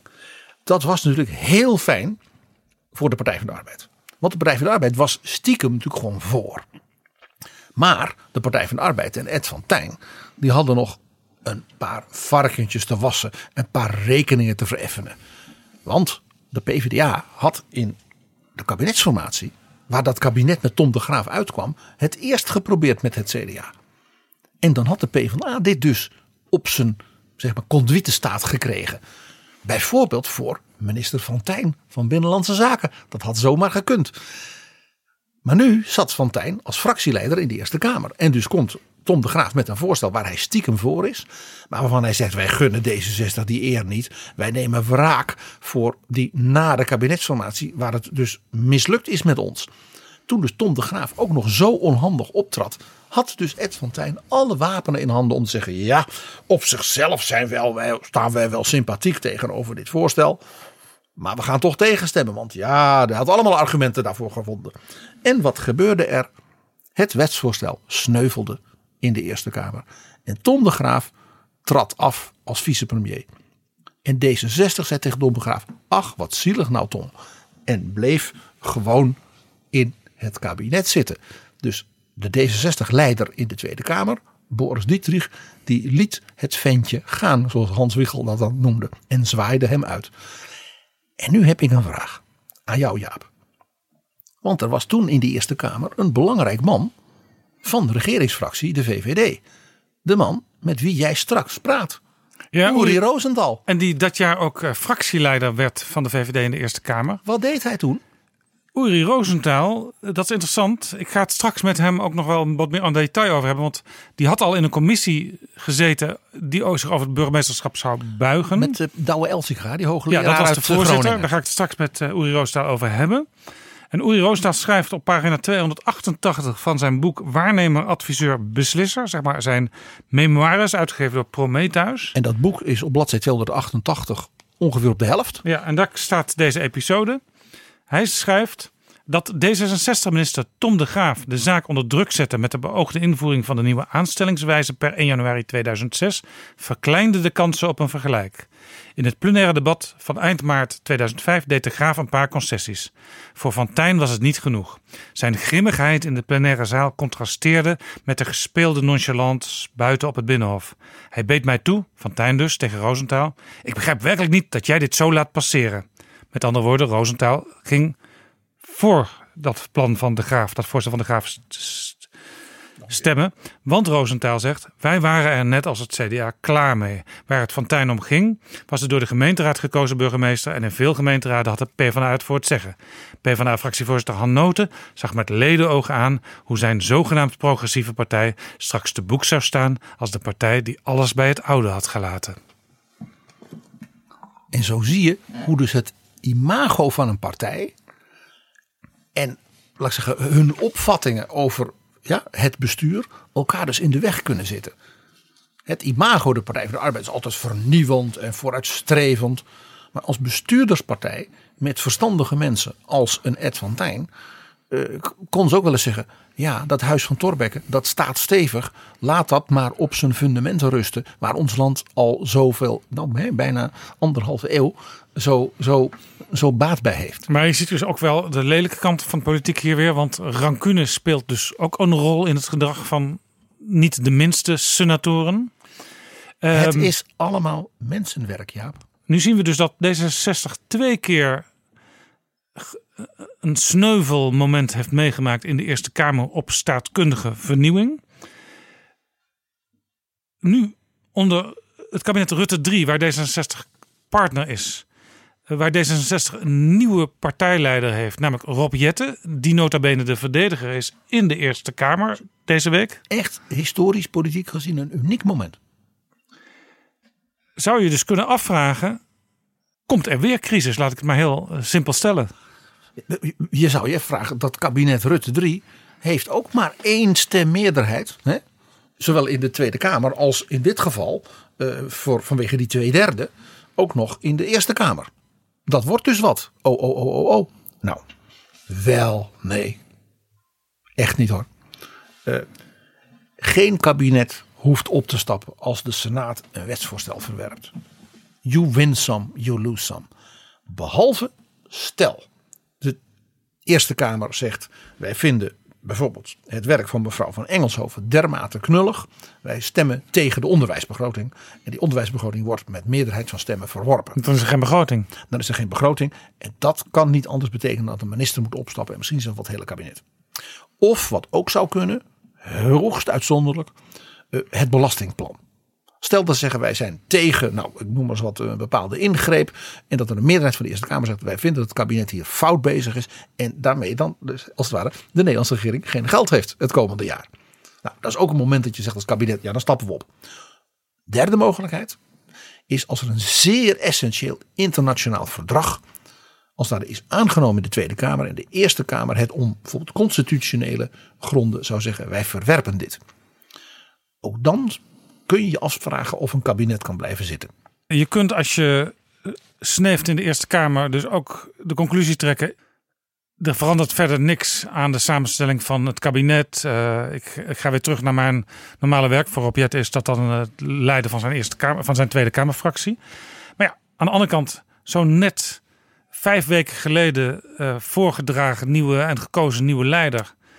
Die, moet, die kan toch eigenlijk niet meemaken dat zo'n belangrijk debat met een onderwerp waar hij zelf ook zo mee bezig is geweest, al zelfs voordat hij uh, D66 ging leiden, als dat nou sneuvelt, dan raakt hij toch een enorme, krijgt hij toch een enorme kras op zijn neus. Ja, daar komt nog iets bij. De enige die dus wel moest opstappen en door zijn partij zeg maar gedumpt werd op precies dit punt, was Tom de Graaf. de toenmalige D66-leider. Dus als Jetten, stel dat het nou niet goed zou gaan. hè, Ja, Tom de. Graaf eh, koos daar zelf voor hè, op dat moment. Ja, maar zijn fractie en zijn collega-ministers. Die uh, volgden hem niet. Ja, dus, dus dat maakt het ook politiek voor binnen D66 natuurlijk, laat ik zeggen, zeer gevoelig, laat ik het zo zeggen. Eh, dus ja, nou ja, het is wat jij zegt. Eh, als het in de Eerste Kamer bij die stemming toch niet helemaal gaat zoals Rob Jetten zou hopen, eh, dan is dat een best een lastig ding hoor. Echt wel. Er komt natuurlijk nog iets bij. Eh, er zit natuurlijk nog iemand, we hadden het erover, in die Eerste Kamer bij dat debat. Ja, de vicepremier eh, van minister van Binnenlandse Zaken. eh, in die rol zit zij daar, eh Kajsa Olongren. En zij is natuurlijk ook lid van dezelfde partij als de indiener van de wet, D66. En daar zit dus de leider van D66 in het kabinet. Die dus ook nog zeg maar, de portefeuillehouder van dit thema is. Belangrijk thema. Zie wat er gebeurde met het eh, raadplegend referendum. eh, raadgevend referendum. Ik blijf maar plegen in plaats van geven. Het raadgevend referendum. Wat zij heeft helpen schrappen. Met Job, Rob Jetten. Toen nog een eenvoudig, jong, ambitieus Ja. Kamerlid.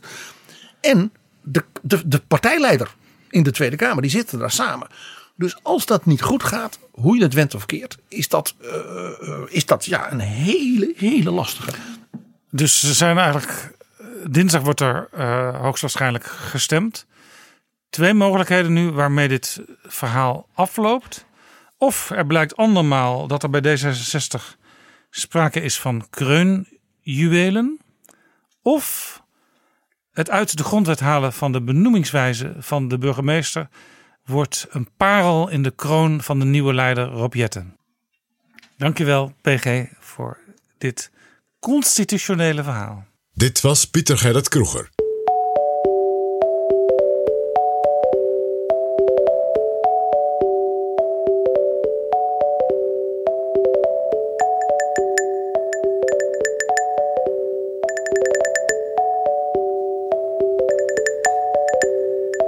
Op tafel ligt een dikke pil van bijna bijbelse omvang. 540 pagina's memoires van Uri Rosenthal.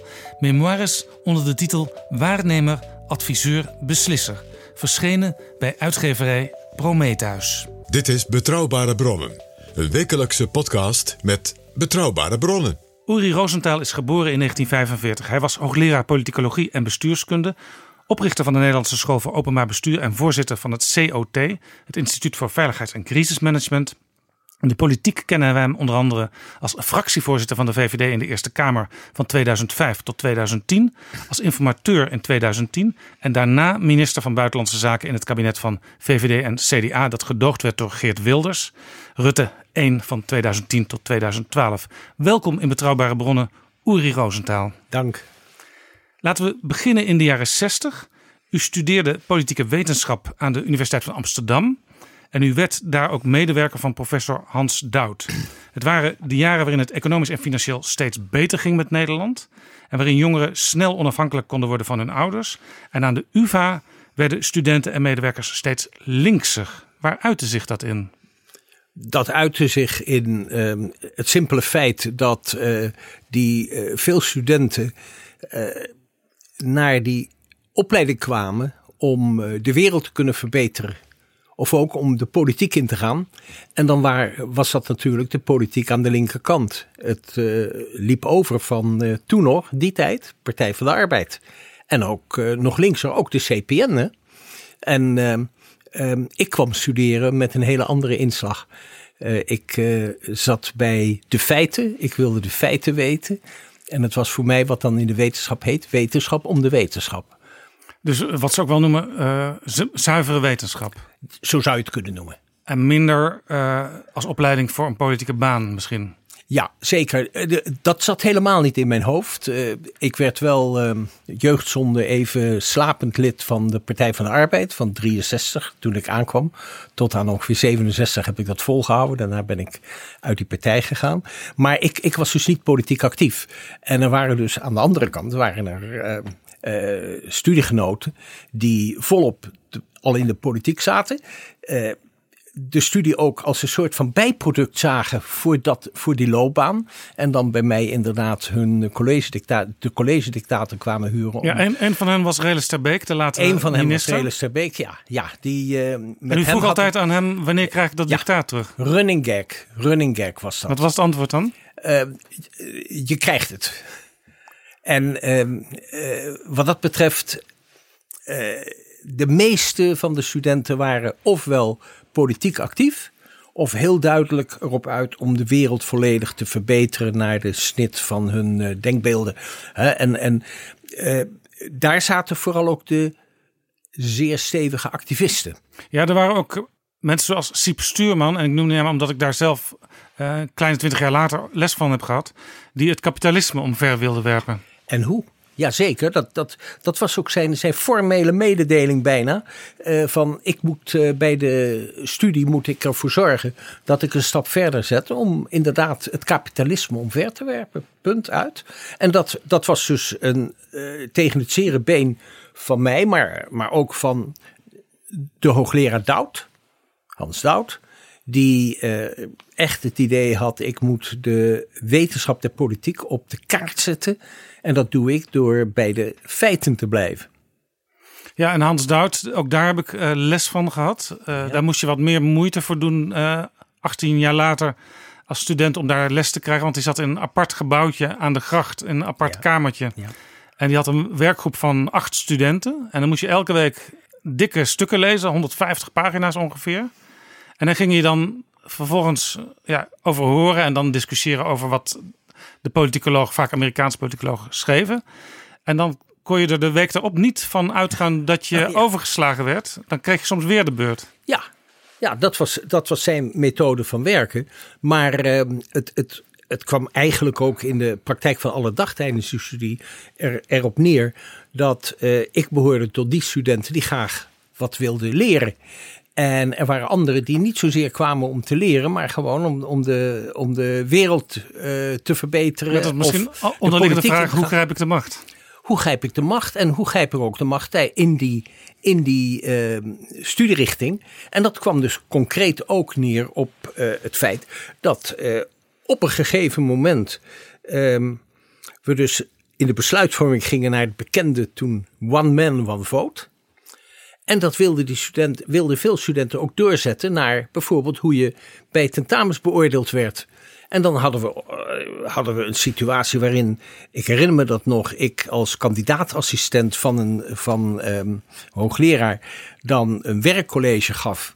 En dan werden de resultaten werden al dus bepaald. De helft door de docenten en de helft door, door het collectief van de studenten. En dan zei u bijvoorbeeld, nou, ik denk dat, je, dat ik hiervoor een 7 zou geven. En dan ja, zeiden de zei, studenten... zei eh, nou, negen is eh, en dan werd het een acht. En eh, ja, ik, ik heb dus ook fraaie voorbeelden gehoord van hoe in die tijd studenten erg gemakkelijk aan hun hoge cijfers kwamen. Hè? De, de later zo bekende journalist Max van Wezel. Ja, die afgelopen week tot politieke junkie aller tijden is benoemd. Kijk eens aan. Nou, die, ehm, die was toen al, denk ik, een politieke junkie. Die, was, die hoorde tot de gematigde kant van de activisten.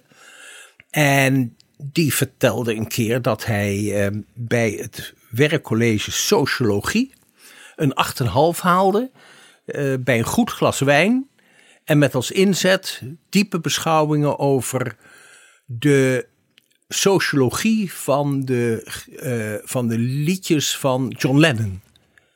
Dat werd in die sfeer ging het. En terwijl wij, ik dus van mijn kant met harde empirische cijfers bezig was, kiezersonderzoek en al dat soort dingen meer. Dus bij wijze van spreken, als eh, docent zou je er nou met moeite een voldoende voor geven. Want je vond het eigenlijk totaal non-onderwerp. Soms wel, soms wel. Was waarschijnlijk wel al, toen al goed geschreven door Max van Wezel. Ik, ik heb daar geen idee van, want hij, hij heeft dat alleen verteld. Maar de studenten zorgden ervoor dat hij toch een 8,5 kreeg Zeker, en, en, en wat dat betreft zie je hoe, hoe de tijd kan veranderen. Want eh, ik weet dat toen eh, Hans Dout eh, overleed in 2008, eh, Max van Wezel en ook bijvoorbeeld Max Pam, bekende columnist, beiden terugkeken op die tijd en zeiden van ja, we hadden toch eigenlijk eh, meer aan de kant van Dout moeten staan Ja. in de tijd. U zelf schrijft in uw autobiografie waarnemer, adviseur, beslisser, uitgegeven door Prometheus,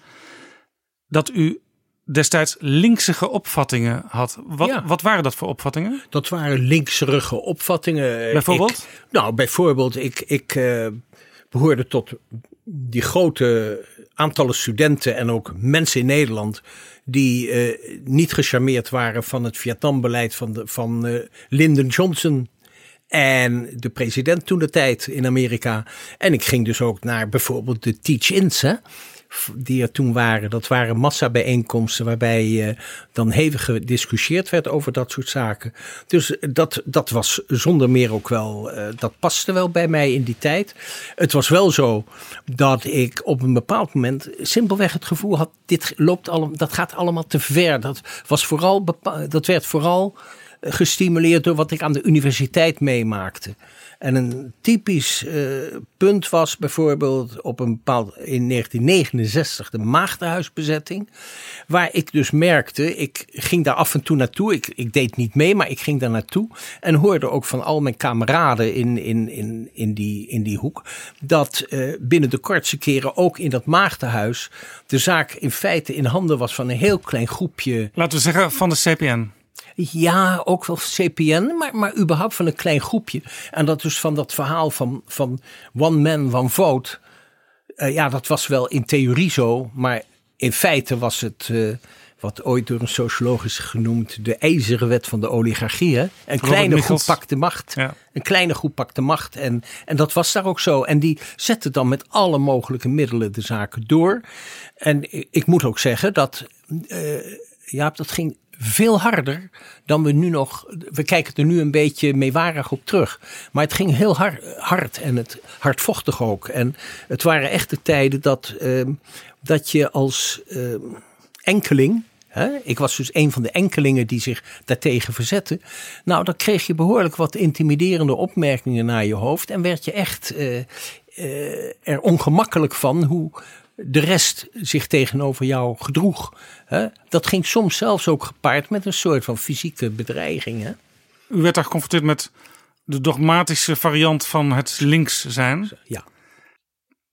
U was wel lid van de Partij van de Arbeid, maar die werd natuurlijk, daar werden ook pogingen gedaan in die partij om die partij door de linkervleugel over te laten nemen. Hè? Jazeker, jazeker, dat speelde juist ook in die tijd met eh, Nieuw Links. En eh, ehm, wat dat betreft was het zo dat toen bijvoorbeeld die maagdenhuisbezetting plaats had.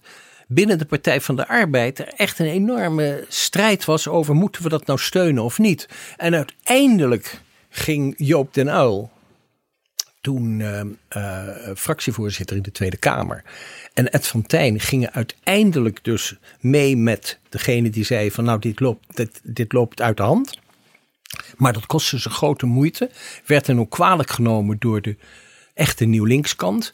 En ehm, eh, ik, ik schrijf ook in mijn boek, eh, ik, ik was eh, tevreden dat ik al eerder afscheid van de Partij van de Arbeid had genomen. Maar als dat niet het geval was geweest, was dat zeker het moment geweest waarop ik mijn partijkaart had teruggegeven. Ja, u was toen eh, politicoloog ehm, en bleef heel lang partijloos. Ja. U ging allerlei eh, dingen doen in de samenleving, onder andere eh, bij het COT, crisissen bestuderen en advies Ja. geven over Ja. hoe je crisissen kunt, eh, kunt managen en te lijf kunt gaan. Op een bepaald moment in 1984 werd u lid van de VVD. Ja. Wat gaf daar de doorslag? Dat was wel heel, heel eigenlijk een soort van banaliteit. Ik was lid van een studiegroep van het Nederlands Gesprekscentrum. Dat was zo'n beweging die van na de Tweede Wereldoorlog was ontstaan om de verschillende stromingen bij elkaar te brengen. Ik zat daar in een studiegroep met allerlei hoge heren, of nog net niet hoge heren. Ik geloof niet dat er dames bij waren. Eh, daar zaten bij eh, mensen als Jaap van der, eh, Jan van der Ploeg, een vermaarde wethouder uit Rotterdam. Hein Roethoff, Partij van de Arbeid Kamerlid, Partij van de Arbeid, liberaal Kamerlid. overigens ook. eh, een staatsraad van de CDA, eh Boukema. eh, en dan aan de VVD-kant onder meer eh, Molly Geertsema en Josias van Aartsen. En toen wij het rap- en Joop van den Berg was er natuurlijk ook bij Ja. vanuit de Partij van de Arbeid. En Han Lammers. Ja. En toen wij eh, op het punt stonden om dus te publiceren, eh, stond er bij elk van hen een, letter, een paar letters achter hun naam. En bij mij niet, want ik was partijloos.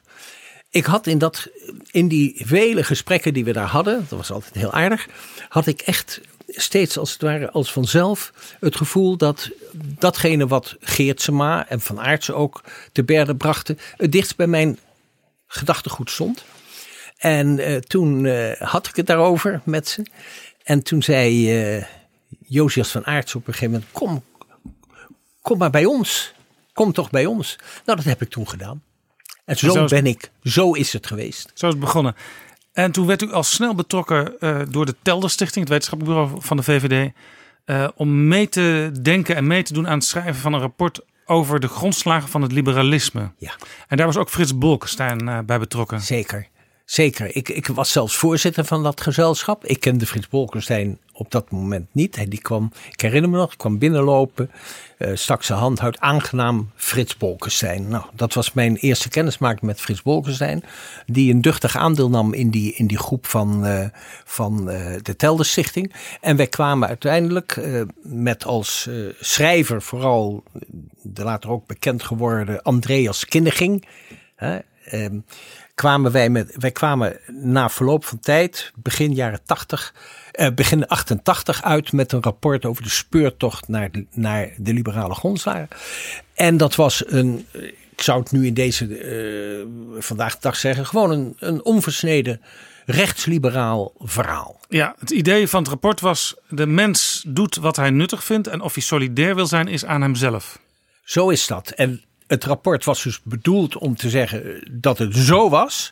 En dat het dus niet betekende dat als je de mensen aansprak op hun individuele, zeker persoonlijke verantwoordelijkheid, dat dat dan zou betekenen dat je ze een vrijbrief zou geven voor whatever.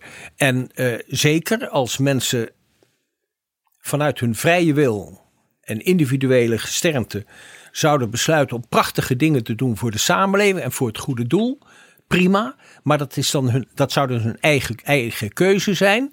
En ik herinner me ook nog wel dat, dat we het vooral ook erover hadden. dat je zaken als solidariteit niet kunt afdwingen. Nee, te, daartegenover had je natuurlijk een stroming in het liberalisme. Het ontplooiingsliberalisme wordt dat ook wel genoemd. Tegenwoordig zie je dat bij D66. Ja. Uh, maar in de VVD had je toen fractievoorzitter Joris Voorhoeven. Zeker. En die hoorde eigenlijk ook wel een beetje bij die andere groep. Joris Voorhoeven hoorde daarbij.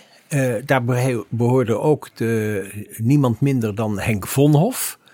Uh, en in een rapport dat wij, dat ik, waar ik toen ook bij betrokken was vanuit de partij, dat was toen het Liberaal Bestek 90, uh, zeiden wij bepaalde zaken die dus lijnrecht ingingen tegen dat ontplooiingsliberalisme en tegen het hele hebben en houden van hoe die die kant van, van de liberalen tegen de zaken aankeek. Een, een, een voorbeeld was, wij zeiden, uh, nou, uh, we kijken eens naar het onderwijs.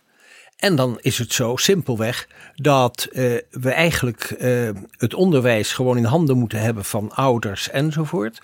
Dus maak van het openbaar onderwijs, maak daarvan part ook particulier onderwijs op neutrale grondslag. Nou, ik herinner me nog dat uh, Vonhof die spuwde vuur. Ja, want een hele oude traditie in het liberalisme is dat je juist iedereen naar de openbare school stuurt. Zo is dat. En volksverheffing was in die tijd ook volop aan de orde. Uh, ook bij de liberalen. dus uh, we, we, we, schopten wel tegen het zere been. In, ook in eigen kring. En, maar het was ook de tijd waarin we in dat rapport, zogeheten Liberaal Bestek 90, bijvoorbeeld, zo zie je hoe die tijden toen waren, bepleiten wij uh, dat uh, immigranten Nederlands moesten leren.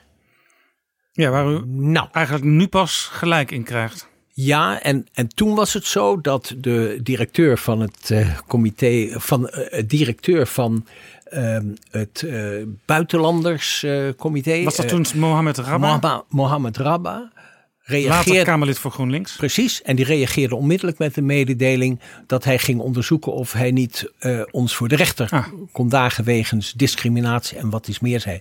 Dat waren die tijden van toen. Hè? En wij kwamen er dus met die wat rechtsliberale kant kwamen we er in die tijd binnen de partij ook niet door. Integendeel, die wees het som, zonder meer af. Dus het was voor mij als binnenkomer ja. een, een opmerkelijk punt. En dat had alles te maken ermee te maken dat ik ook toen in die politieke discussies de, de zaken de maat nam naar wetenschappelijke maatstaven. Ik was politicoloog.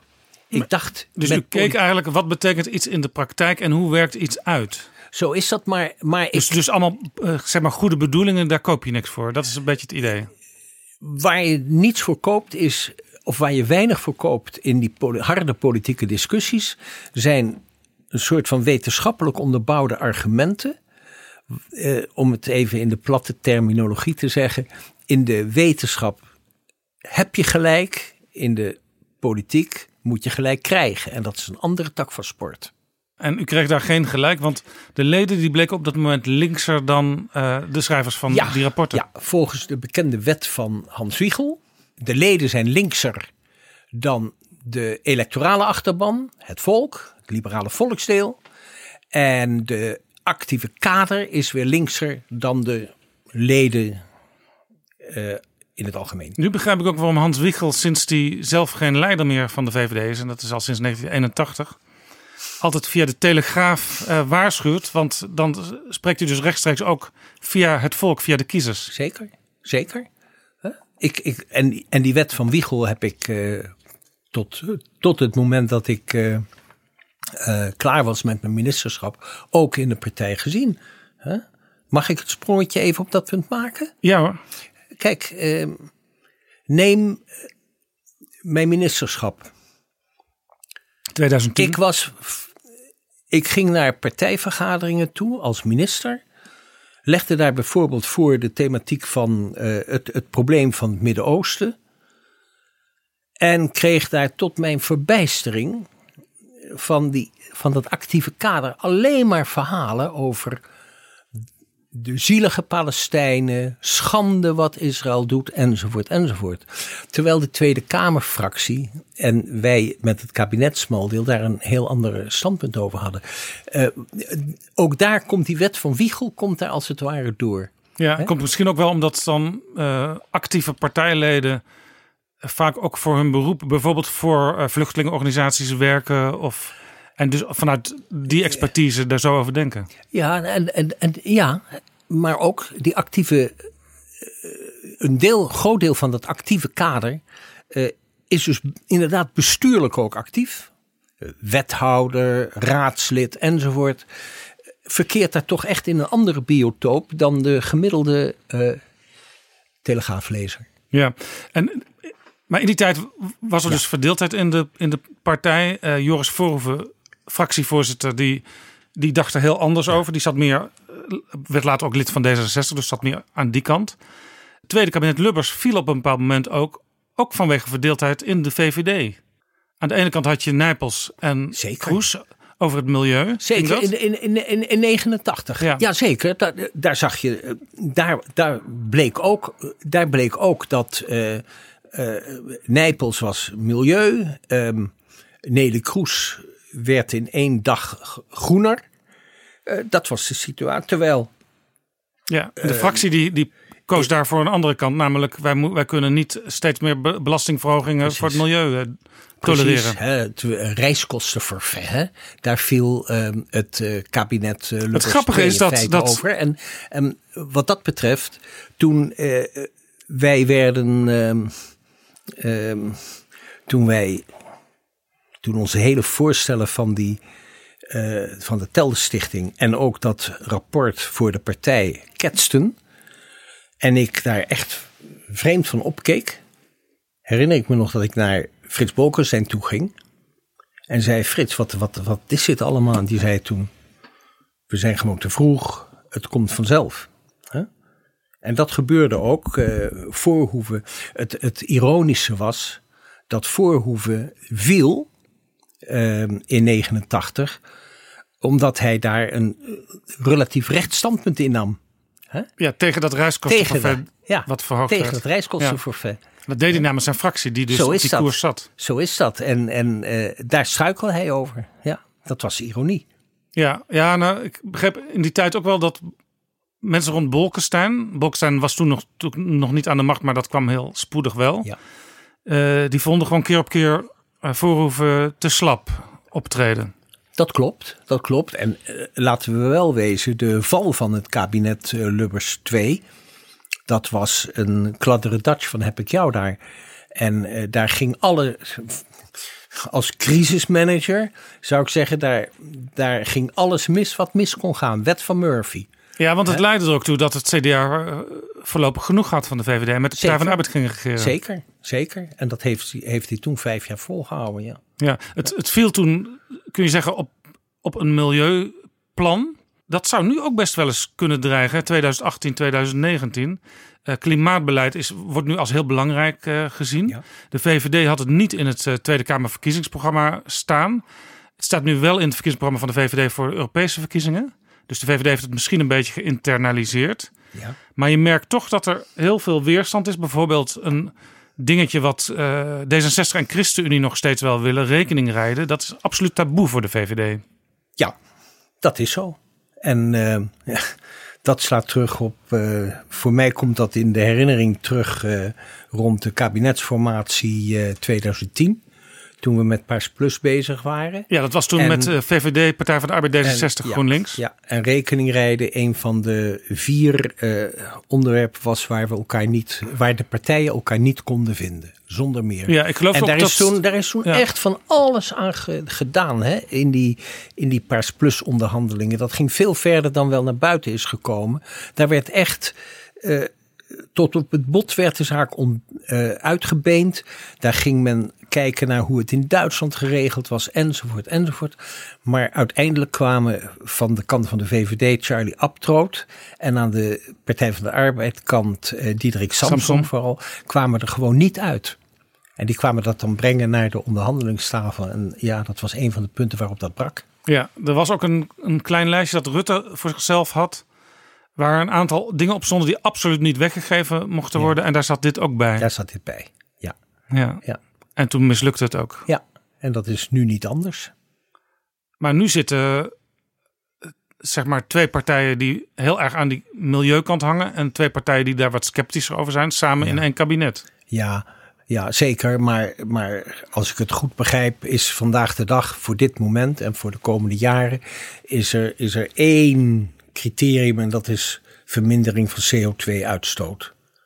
En, en uh, daar hebben alle partijen voor getekend. En linksom of rechtsom zullen ze daarmee aan de gang moeten. Dus het gaat uiteindelijk gewoon wat er onder de streep als Ja. uitkomst is. En hoe je dat bereikt, dat is een andere zaak. Maar ook de VVD is gecommitteerd om daar uh, maximaal dat, dat begrijp zijn best voor te doen. Dat begrijp ik. En, en sterker nog, is daar ook, heeft zich daar ook aan gecommitteerd. Niet alleen in het verband van de kabinetsformatie, maar natuurlijk ook in de internationale verdragen.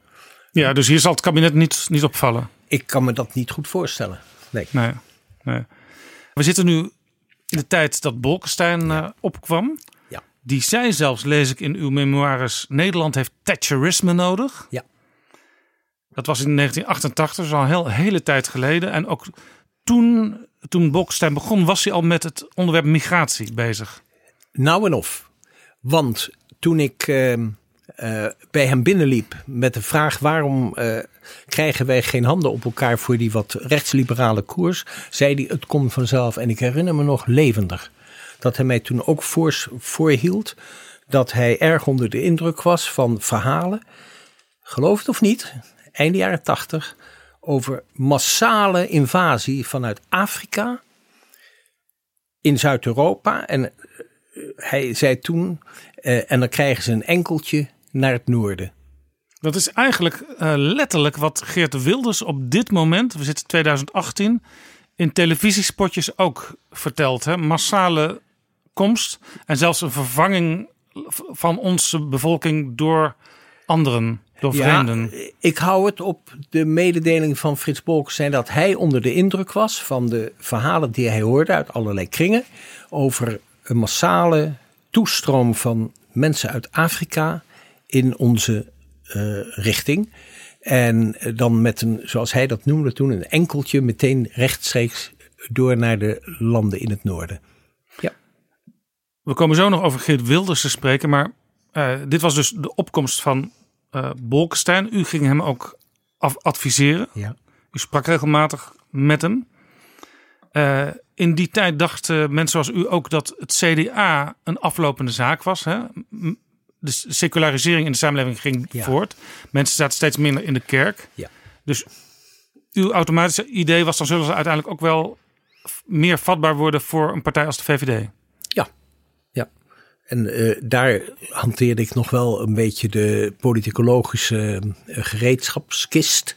Want eh, daarin alle analyses wezen toch op een inderdaad ijzeren wetmatigheid van teruggang van het CDA door de secularisering.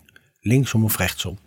En eh, dat dat eh, tussen 89 en 94 dus heel hard is gegaan. Dat had alles te maken met het, met het feit dat eh, de, het CDA toen ineens aan blok allerlei groepen van de bevolking verloor door het toedoen van niet al te snuggere ehm, suggesties in de richting van de achterban. Hè? Boeren enzovoort enzovoort. Ja, AOW. AOW. ja, ja. ehm, dus, dus, dus allerlei traditionele dingen uit het CDA-programma die werden ineens ter discussie gesteld en de kiezers zagen, hey, Ja. kunnen misschien net zo goed op een andere partij gaan stemmen. Toen vielen ze dus met 20 zetels ineens terug. Ja, En was de weg open naar eh, Paars 1 ja.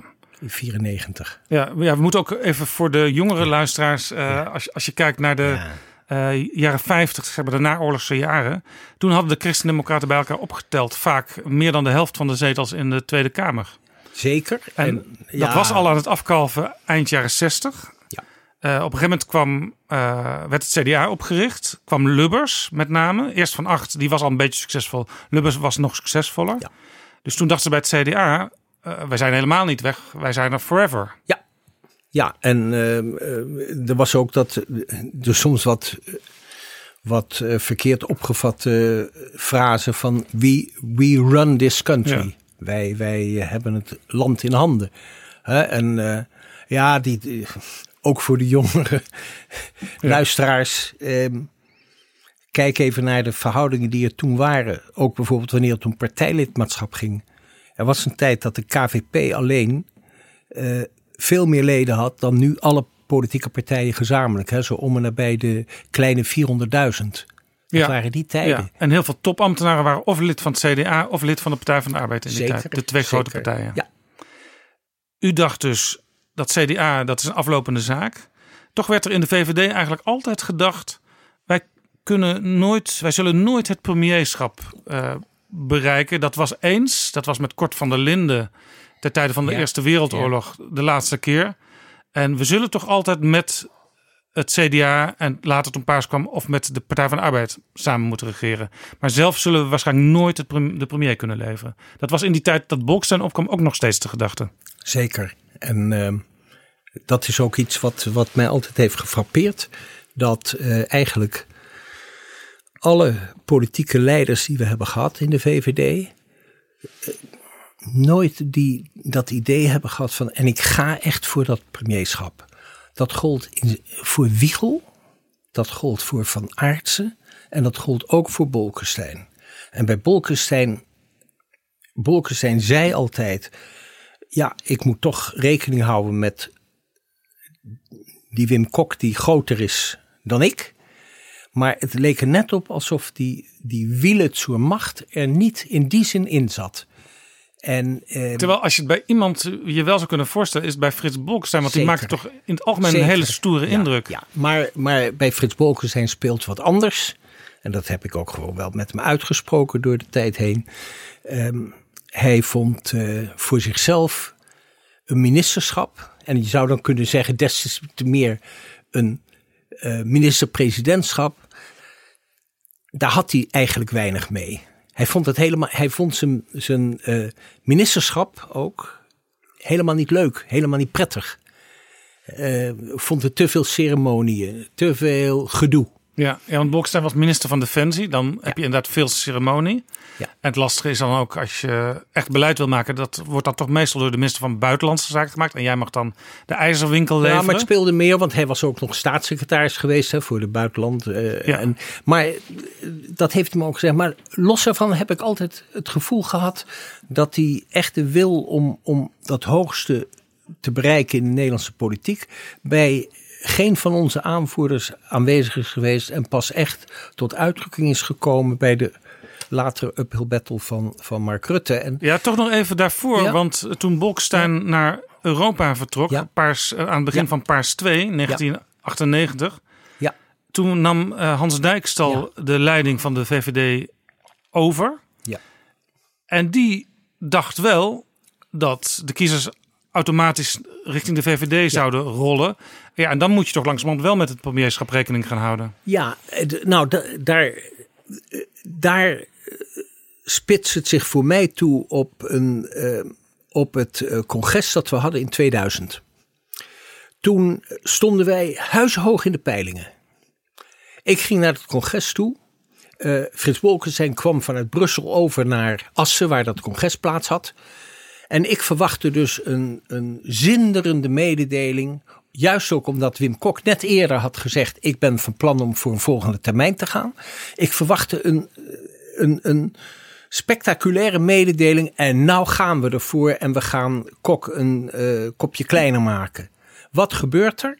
Op dat congres zegt eh, Frits Bolkestein, neemt het woord en zegt zoiets van: Nou ja, eh, eh, het kwam er eigenlijk op neer prima dat, dat Kok nog, nog wat verder, eh, wa- wat door wil gaan. Alsof het een natuurlijke zaak was. Dijkstal ging er ook niet tegen in, integendeel. Dat congres zat daar, zat daar echt van verdorie nog aan toe.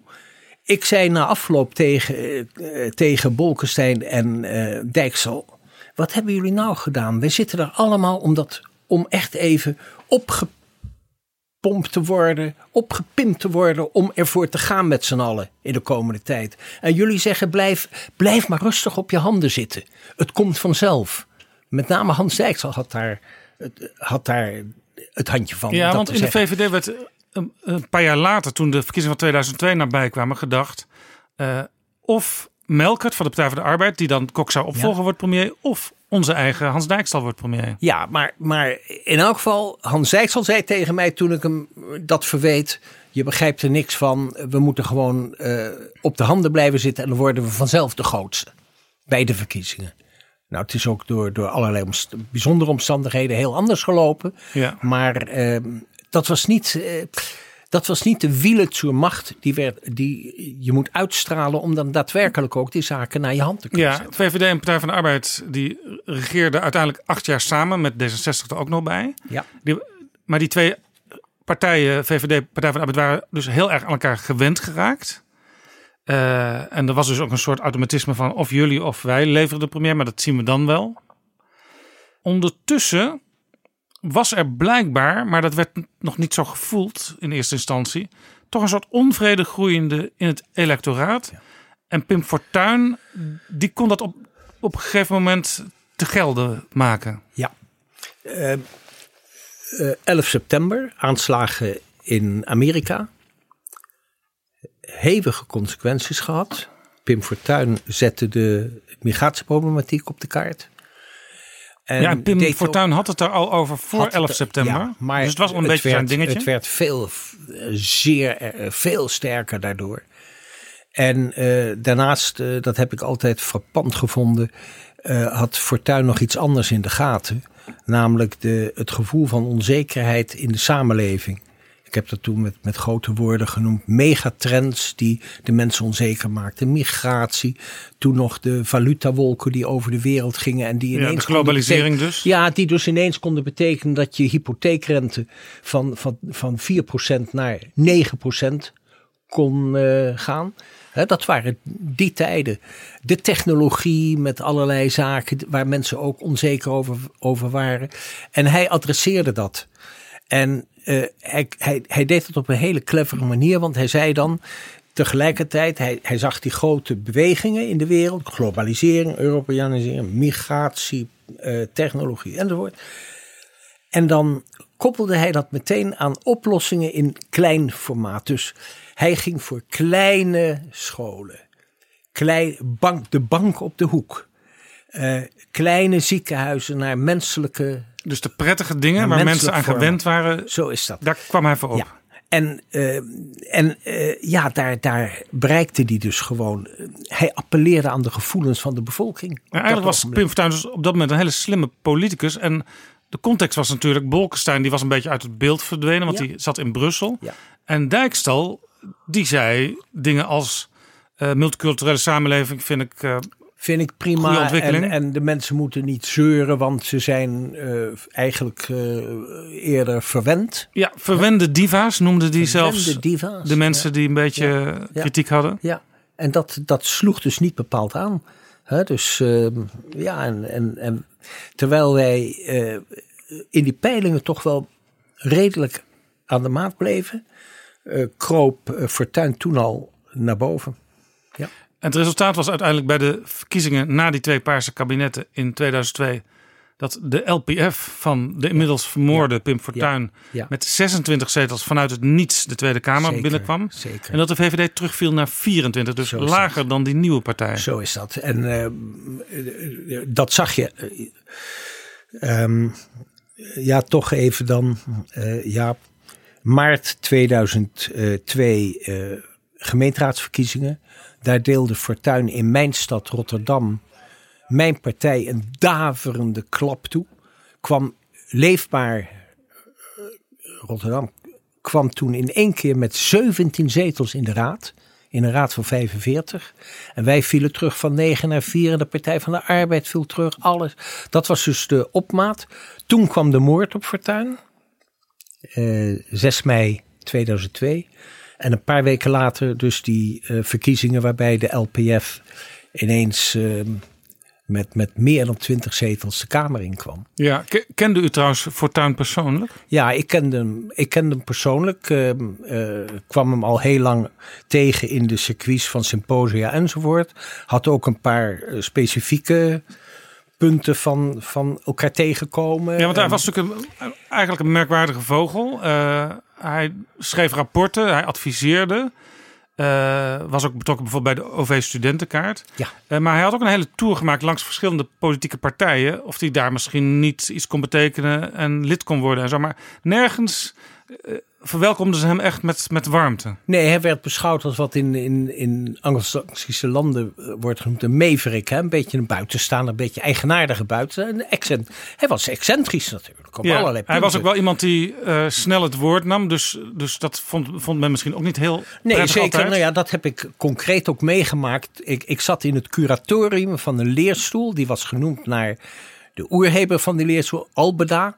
En dat ging over arbeidsverhoudingen. En daar zat Fortuyn, werd op die plek gezet op een gegeven moment in Rotterdam. En ik herinner me nog levendig een eh, vergadering van het curatorium waarbij bijna iedereen zei van ja, hij doet dat niet goed, hij doet er niks aan, hij heeft nauwelijks promovendi, maakt er een, maakt er een puinhoop van. Ik kon me niet aan de indruk onttrekken toen de tijd al dat dat toch ook te maken had met het feit dat hij, dat Fortuyn toen ook erg veel aantrekkingskracht had op, op, op eh, eh, de mensen in het land. Hè, met zijn Elsevier columns en weet ik veel wat nog meer. Hè. Dus eh, bij de gevestigde orde was Fortuyn niet erg in. Nee. Had de VVD het succes van de LPF door die opkomst van Fortuyn... had de VVD dat kunnen voorkomen door anders te handelen in die jaren? ik denk niet dat wij de opkomst van de LPF hadden kunnen voorkomen eh, op die manier, eh, in die mate. Maar eh, we hebben ook niet er erg veel aan gedaan om het een beetje te temperen. Laat ik dat wel zeggen. En, en ja, de, de, de herinnering gaat natuurlijk terug naar dat verschrikkelijke lijsttrekkersdebat aan de, eh, op de avond van de gemeenteraadsverkiezingen, waar Fortuyn eh, helaas Hans Dijkstal en ook Ad Melkert, Partij van Arbeid, alle kanten van de tafel liet zien tot verbijstering van de enkerman Paul Witteman. Dat is een van de meest... eh, Ja, ja iedereen herinnert zich vooral Ad Melkert... die daar totaal ongeïnteresseerd eigenlijk... en ook tegen Paul Witteman zei... kan die eh, meneer Fortuyn niet even het, het woord worden ontnomen... want wij willen ook wat zeggen. Maar ik herinner me ook dat Hans Dijkstal... Een, eigenlijk een hele regenteske opmerking maakte... eh, richting het einde... Ehm, toen ging, maakte hij al aanstalten om op te staan en zei: Onze chauffeurs wachten buiten. Ja, ja. ja, dus het geeft gewoon aan dat, dat, dat ze niet ehm, op lijn zaten met de ontwikkelingen die er op dat ogenblik gaande waren in de samenleving ook. En daar hebben wij dus heel veel, heel veel last van gehad. En dat heeft dus inderdaad bij de uh, verkiezingen in uh, mei 2002 tot een heel slecht resultaat geleid voor ons, voor de Partij van de Arbeid. En ja, um, daar kwam nog bij, en dat was iets wat ik toen ook na de moord op Fortuin nog in een advies ook naar Algemene Zaken, naar, naar het kabinet van de premier heb, heb uitgebracht. ja, want u was daar als crisisadviseur bij betrokken. Daar, hè? Van daar, wat, daar, moet, ja. wat, moeten we doen? Ja, en, en, en daar heb ik toen ook vooral ervoor gepleit om, de, om die LPF bloedserieus te nemen hoezeer je ook uh, ze niet, uh, hoezeer je ze ook niet kon velen. En, en ehm, ik, ik zei ook toen in dat advies, zorg ervoor, help die, partij, bij wijze van spreken, help die partij om een beetje bij elkaar te blijven. He, want als dat een enorme puinhoop wordt, dan heb je daar ook niks aan. Ja, want je zag op de avond van de moord op Fortuin, dat was dus iets eerder dan die verkiezingsuitslag kwam, zag je ook ja, uh, er werden dingen in brand gestoken op het plein in Den Haag. Zeker. Uh, Kamerleden moesten hun gordijnen dicht doen, konden eigenlijk het gebouw niet verlaten. Ja, en de voorzitter... Een hele, een bijna revolutionaire sfeer hing En daar. de voorzitter van de LPF deed ook een duit in een zakje met die beruchte mededeling dat de kogel van links kwam. He, dat was de, de situatie waarin we toen zaten. En uh, dan loop je door, want dan krijg je dus dat uiteindelijk dat kabinet met de LPF erin. Ja, en, en dat spatte uiteen doordat er binnen die LPF helemaal niets te schaften was. Straks praat ik met u verder over de koers van de VVD en de opkomst van Mark Rutte. Maar uw rol werd ook steeds intenser binnen die VVD, want u werd lid van de Eerste Kamer. Ja. En uiteindelijk ook fractievoorzitter daar. Ja, dat was, ik ben uh, lid van de uh, Eerste Kamer geworden in 1999. En werd uh, fractievoorzitter in 2005. Uh, ja, en als je fractievoorzitter bent, dan heb je ook het privilege dat je elke donderdagavond bij het zogenaamde bewindsliedenoverleg zit. Ja. Dus met de top van de partij praat. Ja. En natuurlijk tussendoor ook nog met de partijleider. En daar dus ook advies geeft. Um, die, toch even een vraag over die Eerste Kamer. Want die wordt toch veel mensen toch altijd als een beetje een vreemdkörper gezien. En je hoort er meestal niet veel van, maar soms hoor je er ineens heel veel van. En dan zorgt de Eerste Kamer ook bijna voor een politieke crisis. Ja, dat hebben we meegemaakt in 2000, meteen in, toen ik uh, fractievoorzitter werd. Uh, met uh, de politieke crisis rond nu weer actueel burgemeestersbenoemingen, ja. streepverkiezingen. Waarbij de minister van Binnenlandse Zaken ik zou zeggen ook nu actueel, want hij is nu uh, onderkoning van Nederland, Tom de Graaf. Dus uh, uh, het beltje bij neergooide. Omdat hij uh, door de Partij van de Arbeid dwars werd gezeten. He, dat was toen een, een crisis die is opgelost zonder naar de kiezer te hoeven gaan. He, met, een, met een akkoord dat daar pal daarop werd gesloten. Ja. He, dus uh, nee, dat hebben we zeker meegemaakt, zo'n crisis. En uh, dat was trouwens 2005. Uh, daarvoor was al, ook al de crisis van Wiegel geweest. De, de nacht van Wiegel ja. gehad over het referendum. Dus ja, uh, dus ook in die tijd, terwijl we nog niet in de situatie zaten zoals vanaf, uh, zoals sinds een paar jaar, dat de Eerste Kamer echt voortdurend ja, op spanning wordt gezet vanwege de electorale verhoudingen, Tweede Kamer. en dan Eerste Kamer. En de Eerste Kamer die dan echt ja moet zeggen, want anders dan spat de zaak uiteen. Uh, dat was toen de tijd niet het geval. Maar van tijd tot wa tijd waren er inderdaad crises die in de Eerste Kamer ja. tot stand kwamen. Speelt op dit ja. moment weer zoiets. Hè? Uh, er wordt nu in de Eerste Kamer gepraat over de burgemeester de benoeming uit de grondwet halen. Ja. Dat staat nog even los van wat er daarna gebeurt. Ehm, voor D66 is dat een heel aangelegen punt. Die hebben ook die zijn ook heel blij dat dat in het regeerakkoord staat. En die gaan er dus vanuit dat de, de coalitiepartners... CDA, VVD, uh, ChristenUnie. Uh, die hebben daar in de Tweede Kamer al voor gestemd. Maar dat ze dat dan ook in de Eerste Kamer doen. Maar die Eerste Kamer is natuurlijk niet gebonden aan het regeerakkoord. We zullen zien. Uh, het, het, doet mij, het herinnert mij aan episodes niet, niet zo lang, toch wel wat, wat langer geleden.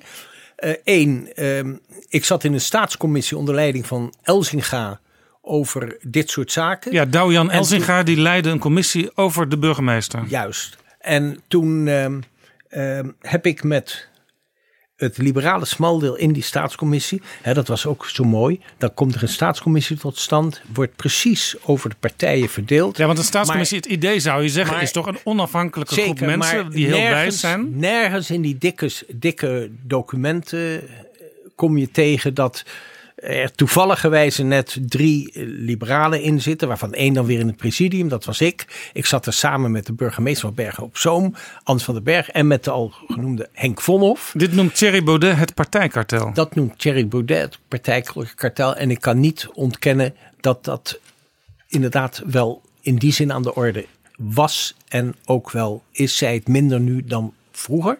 Ja, want in de Eh, commissie Remkes, die op dit moment naar het staatsbestel kijkt, daar zitten wel ook een aantal Zeker, partijgeaffilieerden, maar niet allemaal. Zeker, en om even zomaar uit de, uit de mouw te schudden, weer een ander verschijnsel. Je ziet bijvoorbeeld vandaag de dag, in tegenstelling tot vroeger, zie je in toenemende mate, dacht ik, ook burgemeesters die niet tot het partijkartel behoren, gewoon partijloos zijn. Ja, hè? in, eh, Maastricht In bijvoorbeeld. Maastricht bijvoorbeeld, mevrouw Pen. Eh, terug even naar die burgemeesterverkiezingen. Toen in die staatscommissie heb ik met Vonhoff een minderheidsadvies gemaakt. Dat luidde ofwel een echte benoeming door de kroon, dus eigenlijk door de regering, Zonder de Of- gemeenteraad. of een rechtstreekse verkiezing door de bevolking. Dat was, waren voor ons de twee Ja, zaken. het interessante is, want eh, in die tijd, en dat speelt eigenlijk nog steeds bij bijvoorbeeld de Partij van de Arbeid, die zijn heel erg voor een verkiezing door de Raad. Ja. Ehm, Partij van de Arbeid was natuurlijk ook in die tijd heel machtig in een aantal steden. Dus dan wist je, daar komt een Partij van de Arbeid burgemeester waarschijnlijk. Het CDA zat ook een beetje op die lijn van door de Raad kiezen. D66 was natuurlijk heel erg van de burgers moeten kiezen. En uw redenering leidde er uiteindelijk toe dat u meer aan die D66-kant kwam te staan. Maar dat Ja. was doordat u redeneerde naar dat standpunt toe. Nou, zeg nou, maar. doordat, doordat ehm, de benoeming door de raad, ehm, als je het een beetje politicologisch bekijkt, werd me wel kwalijk genomen hoor. In die tijd dat, dat ik dat ook wel zei. Dat was natuurlijk, als je het een beetje vanuit machtsperspectief bekijkt, is het precies zoals u zegt. Eh, dan kon je er in die tijd donder op zeggen dat eh, de Partij van de Arbeid eh, in heel veel gemeenten de burgemeester zou gaan leveren. En ik, ging er niet, ik liep er niet voor weg voor het idee van rechtstreekse verkiezing. En dan eh, zag ik heus wel ook in onze kring mensen die bij een rechtstreekse verkiezing door de bevolking ja, eh, meer gewicht in de schaal zouden leggen dan menig Partij van de Arbeid eh, kandidaat. Dus dat zat er natuurlijk wel in. Maar ehm, ehm, eh, ja, ik, ik was in elk geval toen ook ervan overtuigd dat we het niet bij die hapsnap toestanden met benoemingen of verkiezingen door de raad moesten houden. En eh, dat speelt tot op de dag van vandaag. Ja, op dit moment verdedigt eh, de D66-leider in de Tweede Kamer, Rob Jette, in de Eerste Kamer zijn wetsvoorstel hè, om Ja. het uit de grondwet te halen. Nou zie je dat al- allerlei, laten we maar zeggen, belangengroepen, het genootschap van burgemeesters, de vereniging van raadsleden, de vereniging van wethouders, die zeggen nou laat het maar ongeveer zoals het nu is, dat vinden wij prettiger. Maar dan denk ik een beetje, ja dat is de kalkoen die een brief schrijft over het kerstdiner. Daar ben ik het mee eens. En ehm, eh, ik vind ook dat, ehm, dat we een beetje moeten, moeten uitkijken om eh, ehm, bang te zijn voor eh, de kiezer. Daar komt het eigenlijk op neer. Dat zie je steeds weer terug in allerlei hoeken en gaten. Of het nou is in de partijdemocratie of in de democratie in de gemeente. Er is altijd dat, dat beeld van dan komt weer een of ander rapalje eh, komt naar boven en die zetten dan de zaken naar, naar hun hand. Hè? Ehm, ik herinner me nog het moment waarop wij, gedreven ook door die fortuintoestand, in de partij ook de democratie eh, wat stevig wilden aanzetten met one man, one vote. Op de leden, op de congressen enzovoort enzovoort. Ja, want vroeger waren dat- zeg maar de partijbaronnen die waren en, en, en dat, en dat dus een aantal prominenten in de partij dat verschrikkelijk vonden en daar ernstig voor waarschuwden. Nou, net zo bij burgemeestersverkiezingen. Ik zie niet in waarom de burgemeester niet simpelweg rechtstreeks door de bevolking gekozen zou kunnen worden. Dus had u nu nog En- Kamerlid geweest in de Eerste Kamer, dan had u voor dat uit de grondwet halen gestemd. Ja, zeker. Jazeker. En, en eh, ik vind die argumenten van ja, dan, dan is dat geen bindende persoon meer. Enzovoort, enzovoort. Dat vind ik allemaal een beetje pseudo-argumenten. Nou, er wordt ook wel gezegd, ehm, bijvoorbeeld Ed van Tuin had daar vroeger een, maakte daar vroeger een hoofdpunt van in een van die vorige debatten. De burgemeester gaat ook over de veiligheid in de stad. Ehm, dan moet hij toch een wat onafhankelijke positie van iedereen nou, hebben. Dat was nou precies de positie die hij innam in het debat dat uiteindelijk leidde tot een kabinetscrisis in 2005 eh, ten overstaan van Tom, Tom de Graaf. Ja. En ik vond het allemaal argumenten die erbij gesleept werden om uh, toch maar vooral het uh, troetelkindje van de Partij van de Arbeid, de door de raad gekozen burger, uh, burgemeester, overeind te houden. Ja, verwacht u dat uw eigen partij, de VVD, nu uh, volledig voor dat voorstel zal stemmen? Ik, ik, kan dat niet, ik kan dat niet beoordelen. In die tijd was het zo dat wij ook binnen de partij uiteindelijk met meerderheid gingen voor de direct door de bevolking gekozen burgemeester. En we deden dat onder aanvoering van een niet geringe burgemeester, namelijk uh, de burgemeester van Rotterdam op Stelten. Dat herinner ik me inderdaad. Die had daar nog een, ook voor de VVD een rapport over geschreven. Ja. Goed, we wachten dus af wat volgende week de stemming wordt in de Eerste Kamer. Uh, als het over de Eerste Kamer gaat, dan komt ook vaak aan de orde in de discussie uh, de dubbele petten. Eerste Kamerleden zijn natuurlijk maar één dag per week parlementariër. Ja. Dus er wordt van hen verwacht, en dat is ook bij bijna iedereen zo, dat ze nog allerlei andere functies hebben in de samenleving. bijvoorbeeld commissariaten bij bedrijven.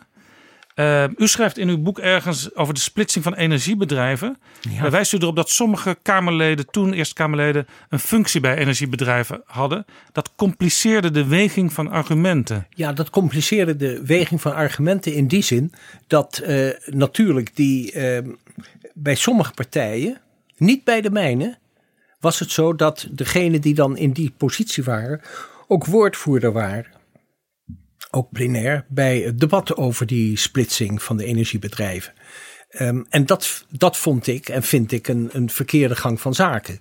Uh, twee punten daarover. Ten eerste, uh, ik verzet me hevig tegen het beeld dat Eerste Kamerleden echt op die plek zitten om dan de belangen van hun nevenfuncties even wat steviger te kunnen uh, realiseren. Ik vind dat echt, uh, ik heb daar nooit iets van gemerkt. En zo zit dat gewoon niet in elkaar als je in die cultuur van die Eerste Kamer zit.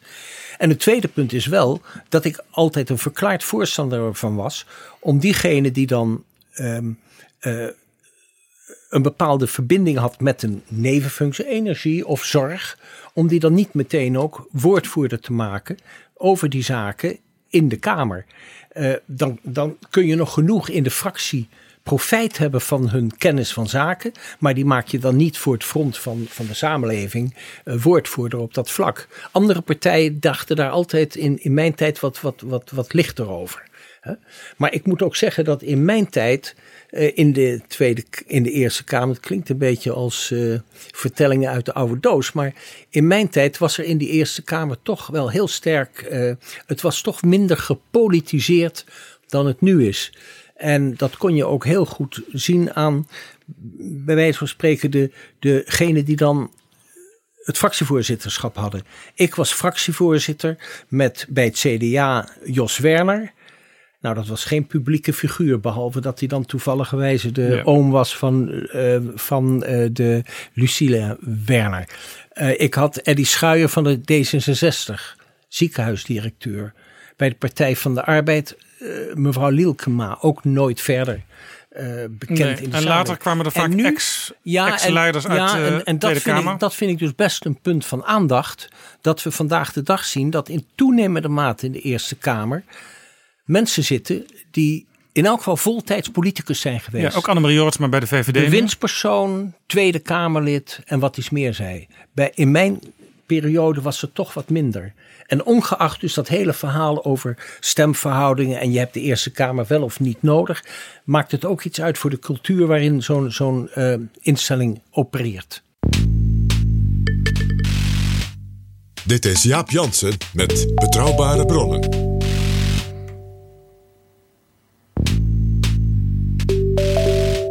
Ik praat met Uri Rosenthal, oud-minister, oud-fractievoorzitter in de Eerste Kamer van de VVD en bovenal politiek peetvader van Mark Rutte. Het had misschien ook nog een beetje anders kunnen lopen met Mark Rutte. Hij was op een bepaald moment staatssecretaris geworden van Sociale Zaken. In 2004 uh, waren er problemen rondom Annette Nijs, staatssecretaris van Hoger Onderwijs. Ja. En u kreeg een telefoontje van Josias van Aartsen. En wat zei Josias van Aartsen? Uh, jij, moet, uh, jij moet op onderwijs gaan zitten. Daar kwam er eerst sterker nog. Ik, ik zat in Portugal. En uh, voor iets van mijn crisisgedoe. En uh, ik kreeg te horen dat uh, van, van iemand, van een bekende, dat uh, in de Telegraaf op de voorpagina stond Roosendaal dit en dit. En ik, ik moest toch terugvliegen op die dag. En ik kwam terug en ik was nog niet op vaderlandse bodem. Of ik had een telefoontje van Josias van Aartsen. jij moet dat gaan doen. En ik zei, ik doe het niet. Dat vonden hij en Gerrit Salm erg jammer. Maar het, het, het had voor mij redenen van, van mijn andere werk. Ja, want u had het op dat moment heel druk met uw reguliere ja, werk. we hadden net allerlei strategieontwikkelingen uh, opgezet en weet ik veel wat nog meer. Anyhow, ik deed dat niet. En de, ja, de ironie van de zaak is dat uh, toen uh, binnen korte tijd werd, van, werd Rutte overgeheveld van sociale zaken naar onderwijs. Ja, hij kon dus op twee posten had ik laten zien uh, wat zijn talent was. Ja. En dat zagen anderen ook. En op een bepaald moment kwam Rutte ook in beeld als potentieel leider van de partij. Ja, uh, dat, uh, dat ging zo. Uh, van Aartsen had het in toenemende mate wel moeilijk. Ja, die was de, de fractievoorzitter. In de fractie in de Tweede Kamer. En hij, hij, was ook de leider volgens zichzelf, maar daar dacht Gert Salm niet helemaal hetzelfde nee, over. En toen werd hij aanvoerder of iets dergelijks ja. bij het congres. Ja, dat was allemaal een beetje. beetje ja, want de, Vonhoff die zei: als ik het woord leider hoor, dan denk ik aan stampende laarzen. Ja, dat, dat heb ik Henk Vonhoff erg kwalijk genomen. Dat hij dat op, die, uh, op, die, op dat congres op die manier zei. Dat, dat vond ik echt. Dan, dan uh, houden alle discussies op als je zoiets ja, zegt. Ja, ja, ja, en dat was ook zijn bedoeling kennelijk. Maar ik, ik vond dat not done. Heb ik hem ook gezegd toen. Weilen Vonhoff. Uh, en uh, in elk geval. Uh, en van Aartsen Josias die... van Aartsen zei, zei tegen mij. Door de weken heen. Zei hij van kijk. het zou wel eens kunnen zijn dat jij komende tijden veel meer tegen het gezicht van, van Mark zult aankijken. En uh, dat gebeurde dus ook. Want wat gebeurt er? Josias van Aartsen besluit af te treden bij de gemeenteraadsverkiezingen in maart 2006. Ik vond dat, ik vond dat raar. Ik heb hem dat ook toen gezegd. Ja, omdat gemeenteraadsverkiezingen iets anders is dan landelijke verkiezingen. Precies, en omdat het verlies niet zodanig was dat het niet te dragen zou zijn. We, vonden, we, we hadden een dragelijk verlies geleden. Anyhow, hij hield ermee op. En ik werd dus in de, in de nacht van de uh, gemeenteraadsverkiezingen uh, gebeld door uh, van Aerts met de mededeling. Ik zit hier met, met Hans Hogevorst en met Mark Rutte en nog een paar anderen. En zeg maar, wie is jouw kandidaat? En ik zei toen, Pats, midden in de nacht, Rutte, nieuwe generatie.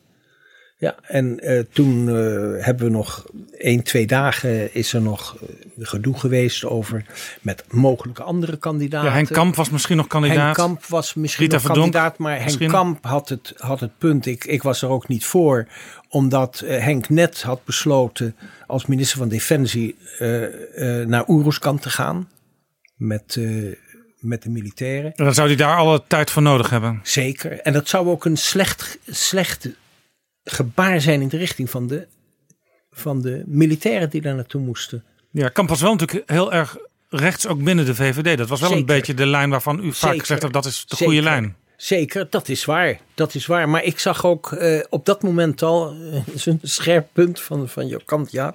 Um, maar ik zag op dat punt al bij, ook bij Mark Rutte, dat dat beeld dat er werd gecreëerd van hem, en ook trouwens toen die dat dan werd, van een, een soort van linkse softie, dat dat uh, niet uh, met de waarheid overeenkwam. En, en, en, en, Rita Verdonk, want op dat moment was ook nog de vraag, zou Rita Verdonk zich misschien ja, willen nou, kandideren? Dat is een, dat is een recht toe recht aan verhaal.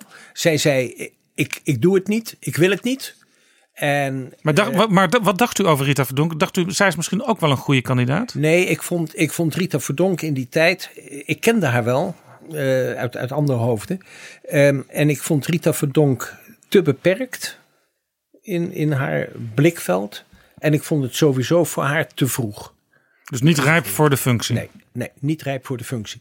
Dat zij zei, ik doe het niet. Dat ook nadrukkelijk zei op het moment dat ze met elkaar bij elkaar waren om te bepalen en wie wordt het dan.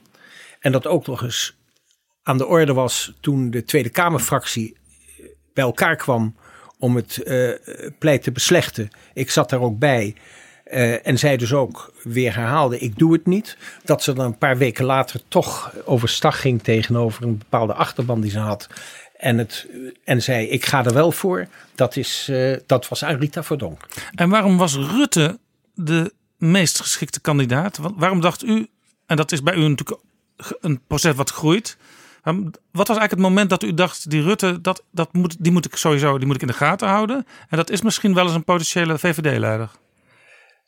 Dat had te maken met zijn uh, zeer gemakkelijke manier van omgaan met, met mensen. Dat gaat nog terug op zijn staatssecretariaat bij onderwijs. Waar, uh, waar ik ook een, een beetje verleden had. Want ik had de ooit minister Jo Ritsen meegemaakt. Die mij nog om advies vroeg van hoe hij met actieve studenten, activistische studenten moest omgaan. En ik hem de meest banale mededelingen deed. Zo van, je moet niet met de rug naar ze toe gaan staan, maar ze gewoon uh, hun verhaal laten vertellen. En dan meebuigen enzovoort enzovoort. Beetje, zeg maar, de, de, de stijl van Pieter Jong, verend precies, meebuigen. Precies, nou, uh, tot mijn verbazing vond hij dat een Geweldig advies. Heeft hij ook later nog in een boek over zijn ministerschap geschreven. Wat een geweldig advies. Terwijl ik dat Mark Rutte totaal niet hoefde te vertellen. En ik, uh, en, uh, nee, Mark Rutte, nog... die, Mark Rutte had op dat moment al uh, op sociale zaken laten zien dat hij gewoon in de Schilderswijk bij wijze van spreken een bijstandsmoeder kon overtuigen ja. dat het in haar belang was dat de bijstand omlaag ging. Ja. En hij had nog iets anders gedaan trouwens als bij sociale zaken en ook in die korte tijd dat hij onderwijs deed. Hij was in staat om ook in de Kamer simpelweg meerderheden te creëren. Of gewoon de zaak achter, uh, niet naar zijn hand te zetten, maar wel de mensen te overtuigen en, en gedaan te krijgen wat hij wilde.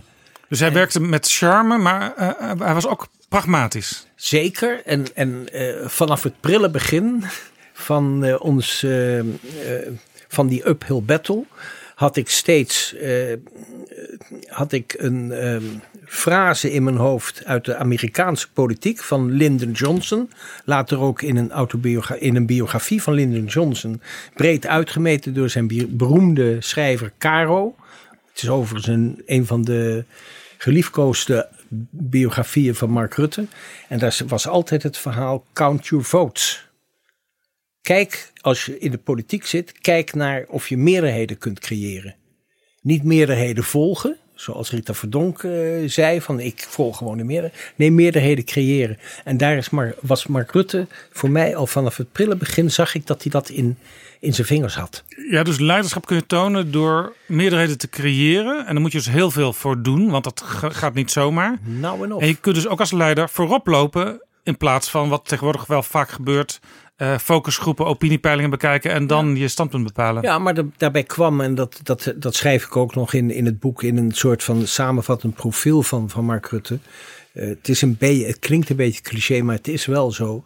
Hij is, er, he is his own person. Hij, hij, hij, hij is zichzelf en laat zich dat ook niet afnemen door wie dan ook. He, en, en dat heb ik van meet af aan altijd bij hem geproefd. En dat, gaf hem, dat, dat maakte hem tot een soort van autonome krachtbron. Toch maakte hij in het begin wel een, een zeg maar wat D66-achtige indruk. Hij zei zelf ook, toen hij net leider was geworden... we moeten een beetje af als VVD van dat Wassenaarse beeld... Hè, die parelkettingen en zo. Ja. Bolkestein en Henk Kamp die vonden dat vreselijk dat hij dat zei. Ja, ja, ja dat klopt. En ik was het ook niet met, met uh, Mark op dat punt eens. Maar ik vond wel de manier waarop hij die kritiek kon velen. En daar ook van zei, nou ja, dat vinden zij. En ik, ik kijk er anders tegenaan. Dat vond ik voor zo'n jonkie. Hij schudde het eigenlijk van zich af. Ja, hij schudde het van zich af. En uh, ja, het wordt uh, nogal op het persoonlijke vlak bijna. Maar als het ware de toeval.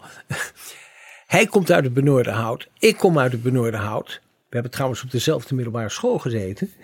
Zij het in hele andere tijden. En uh, het benoorde hout is geen parelkettingen toestand. Dat is gewoon keurig rechts, fatsoenlijk liberaal. Keurig rechtsliberaal. Met, met compassie voor mensen die het minder hebben. Daar moet je, daar moet je ook, die moet je ook uh, helpen om weer in hun kracht gezet te worden. Dat soort frasen. Maar dat, dat is een beetje de. de ja, uit, uit die biotoop komt die door. En toen stelde hij zich kandidaat voor het leiderschap. Tot vele verbazing binnen de top van de VVD deed Rita Verdonk dat uiteindelijk ook. Ja. En dat werd een enorme strijd dat is onderling. Een, dat is een bikkelharde strijd geweest. En sterker nog, de, de hele partij raakte verscheurd daarover. Zeker. En um, uh, Mark kwam met de hakken over de sloot op de laatste dag van mei 2006. Al werd hij lijsttrekker. Ja, want hij en, haalde 15.000 stemmen binnen de VVD en Verdonk 13.000. Ja, ja, en het was nog een geluk bij een ongeluk dat, of een geluk dat die marge groot genoeg was om een of andere merkwaardige derde kandidaat niet de doorslag te. Ja, Jelleke Veenendaal deed ook mee. Die ja, kreeg geloof ik 800 die, stemmen. Die had niet voldoende om te zeggen van hij heeft die had het, goed in het eten kunnen gooien. Van die derde binnengehaald. En, uh, maar ook daar, kijk, dat was ook weer wel, wel boeiend genoeg. Uh, um, dan werden er peilingen gehouden onder de bevolking en weet ik veel wat nog meer. Terwijl ook ik wist dat het uiteindelijk alleen maar daarbij ging om de leden van de partij. En dat een van de belangrijkste dingen nog wel zou zijn om juist ook, juist ook aan de kant van Mark Rutte, diegene zover te krijgen om hun stem uit te brengen. Die anders zouden zeggen van ja, aan dat soort flauwekul doe ik niet mee. Ja, de rustige partijleden die moesten eigenlijk bewerkt worden om ja, toch mee te stemmen. En Rutte kende de partij tot in de diepste haarvaten. Ja, want hij had al in het hoofdbestuur gezeten. Hij Zeker. was natuurlijk voorzitter van de JOVD, de JOVD geweest. En Rita Verdonk kende die niet. En Rita Verdonk had, had, een, had een campagneteam dat heel sterk Amsterdam was. En, en weinig met de ommelanden van doen had. Ja, toch dacht Rita ook later nog, toen ze eenmaal uh, had toegegeven: ja, Mark wordt de lijsttrekker, dat zij eigenlijk populairder was in de achterban. Zeker. En uh, ja, in de achterban en bij het electoraat. Hè? En dat was misschien ook wel zo. Uh, dat bleek dan een paar maanden later. Ze ging ook zelf met een bus het land in en Zeker. zei: stem, stem ja. op mij en niet op nummer 1. Ja. En uh, toen we in uh, 2006 dus de verkiezingen, de vervroegde verkiezingen hadden, omdat het kabinet viel in de uh, zomer over een gedoe rond Ayaan Hirse aan. Ja, wat ook eigenlijk een dingetje van Rita Verdonk was. Hè? Zij trok het Nederlanderschap van Ayaan in. Ja, precies. En toen kregen we dus vervroegde verkiezingen in november 2006. En ik herinner me dat nog goed. Um, dat uh, waar je zou verwachten dat een partij dan all-out uh, uh, concurrentiestrijd aangaat met de andere partijen, was er, moest Rutte op twee fronten vechten. En naar de andere partijen toe, de concurrenten, en binnen de eigen eigenlijk binnen de eigen partij richting Rita Verdonk. En over stemmen gesproken, dan krijg je natuurlijk het, het verhaal dat bij de verkiezingen uiteindelijk Rita Verdonk meer voorkeursstemmen ja. kreeg. Dan Nummer 2 kreeg 620.000 stemmen. Ja. Goed voor zeg maar negen kamerzetels. En nummer 1 560.000. Dus echt significant ja, minder. Ja. Maar dat beeld van zij kreeg negen, uh, zij was goed voor negen kamerzetels. Uh, kijk mij eens daar, dat zei ze ook tegen mij uh, daarna. Uh, dat, dat was dan mooi, maar onderwijl had die strijd tussen die twee ons alles bij elkaar meer dan negen zetels gekost. Ja, en in de tussentijd had je ook nog een prominent als Hans Wiegel, die Rita Verdonk ja. openbaar steunde. Zeker. En Wiegel was natuurlijk een hele belangrijke stem nog steeds in de VVD. Zeker. Die had ook een, een grote achterban in de VVD, natuurlijk. Maar er waren ook anderen die, de, die er anders tegen aankeken. Maar dan, dat, dat uh, leidde uiteindelijk natuurlijk tot, uh, uh, tot showdown in 2007 rond um, Rita Verdonk, die al maar tegen Rutte toch bezig was, het hem lastig maakte. Ja, zelfs een cafékoep probeerde te plegen. Ik stond daarbij en ik dacht, wat is dit? Dit heb ik nog nooit meegemaakt in Ja, Nederland. Een zeker. klein, smal café. Zeker. Waar zij als een soort koningin Wilhelmina, zo, Zeker. zo zag ze er qua kleding ook uit die dag, Ja. eigenlijk de macht opeiste. En zei, ik wil in ieder geval dat een commissie waar eh Bolkestein in zit en waar Wiegel En in zit, een oordeel uitspreken. Nou, dat is kantje boord geweest. Want ehm, wat, we- wat we toen aan petit comité met eh, Rutte en Edith Schippers en Johan Remkes was er ook bij toen tegen elkaar zeiden, was één ding. Die commissie gaat er dus niet komen. En dat is Hans Wiegel en ook Frits Bolkestein toen eh, echt wel aan het verstand gebracht. Ik heb toen ook nog met eh, Frits daarover getelefoneerd meteen. Van dat, dat gaan we dus niet doen. Ja, ik sprak trouwens die avond Mark Rutte even. En ik dacht, dat vroeg ik aan hem, je gooit eh, Rita er nu, nu zeker wel uit, hè? Maar dat was eigenlijk nog veel te vroeg voor hem, eh, vond hij. Blijkbaar was de steun voor Rita nog te groot in de partij. Zeker, zeker, zeker. En dat, dat, dat bleef zo door 2006 en ook de eerste maanden van 2007 bleef dat het geval. En ik herinner me ook nog wel dat, eh, dat we einde 2006 hadden we weer een gedoe met een, dat heette toen een generaal pardon crisis. En daar kreeg Rita Verdonk een motie van afkeuring van de Kamer. Ja, die door broek. D66, toen de regeringspartij, gesteund werd. Precies. En, ehm, Dus die motie werd aangenomen. Ja, ja. En ehm, ehm, toen waren er sommigen in de Tweede Kamerfractie ook die ook tegen mij zeiden. nu is het moment om eruit te zetten. Zonde als je dat niet doet. Maar het was er. Het, het, de sfeer was er niet naar. En zij zat natuurlijk nog in dat kabinet. En we hadden al een, een lid van het kabinet verloren, ehm Sibella Dekker, over de Schipholbrand in september 2006. Het was een zwaar jaar, dat Ja. 2006. En er was ook, u was toen fractievoorzitter in de Eerste Kamer. Een eh, collega van u, Gerrit-Jan Swinkels, VVD Eerste Ja. Kamerlid. Die werd op een bepaald moment voor de volgende Eerste Kamerverkiezing op een onverkiesbare plaats Zeker. gezet. En hij dreigde toen met een eigen lijst, want hij zei: Mijn achterban, wat ook mensen waren die zeg maar, in de verdonksfeer eh, zaten, Ja.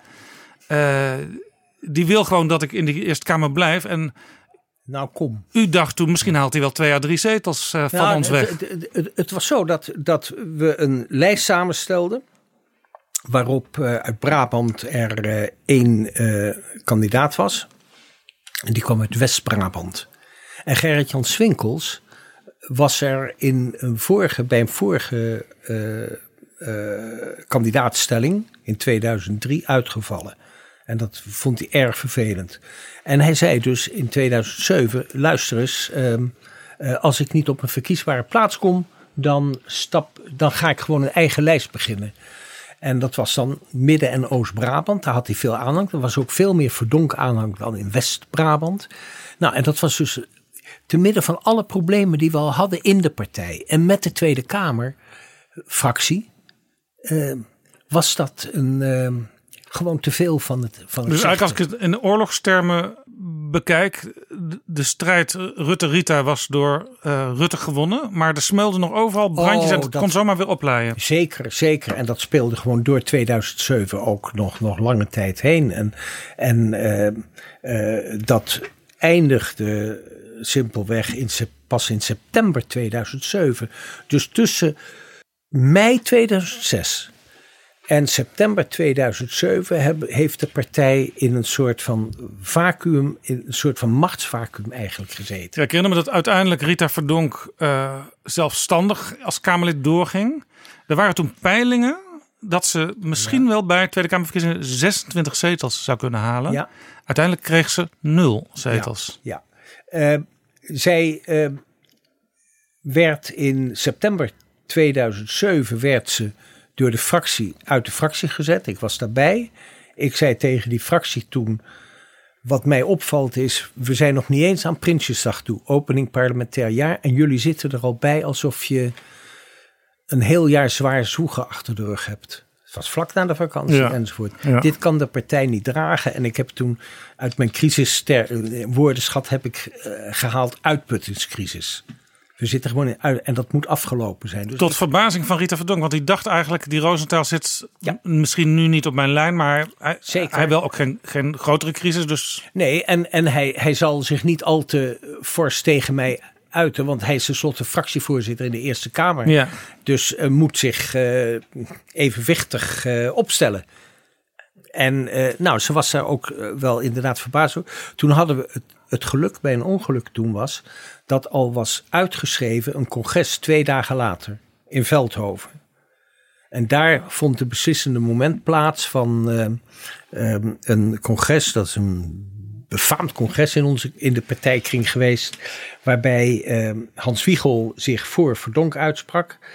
En Bolkestein, die dat nadrukkelijk zo had afgesproken met de voorzitter van de partij, Jan van Zanen, na Wiegel sprak.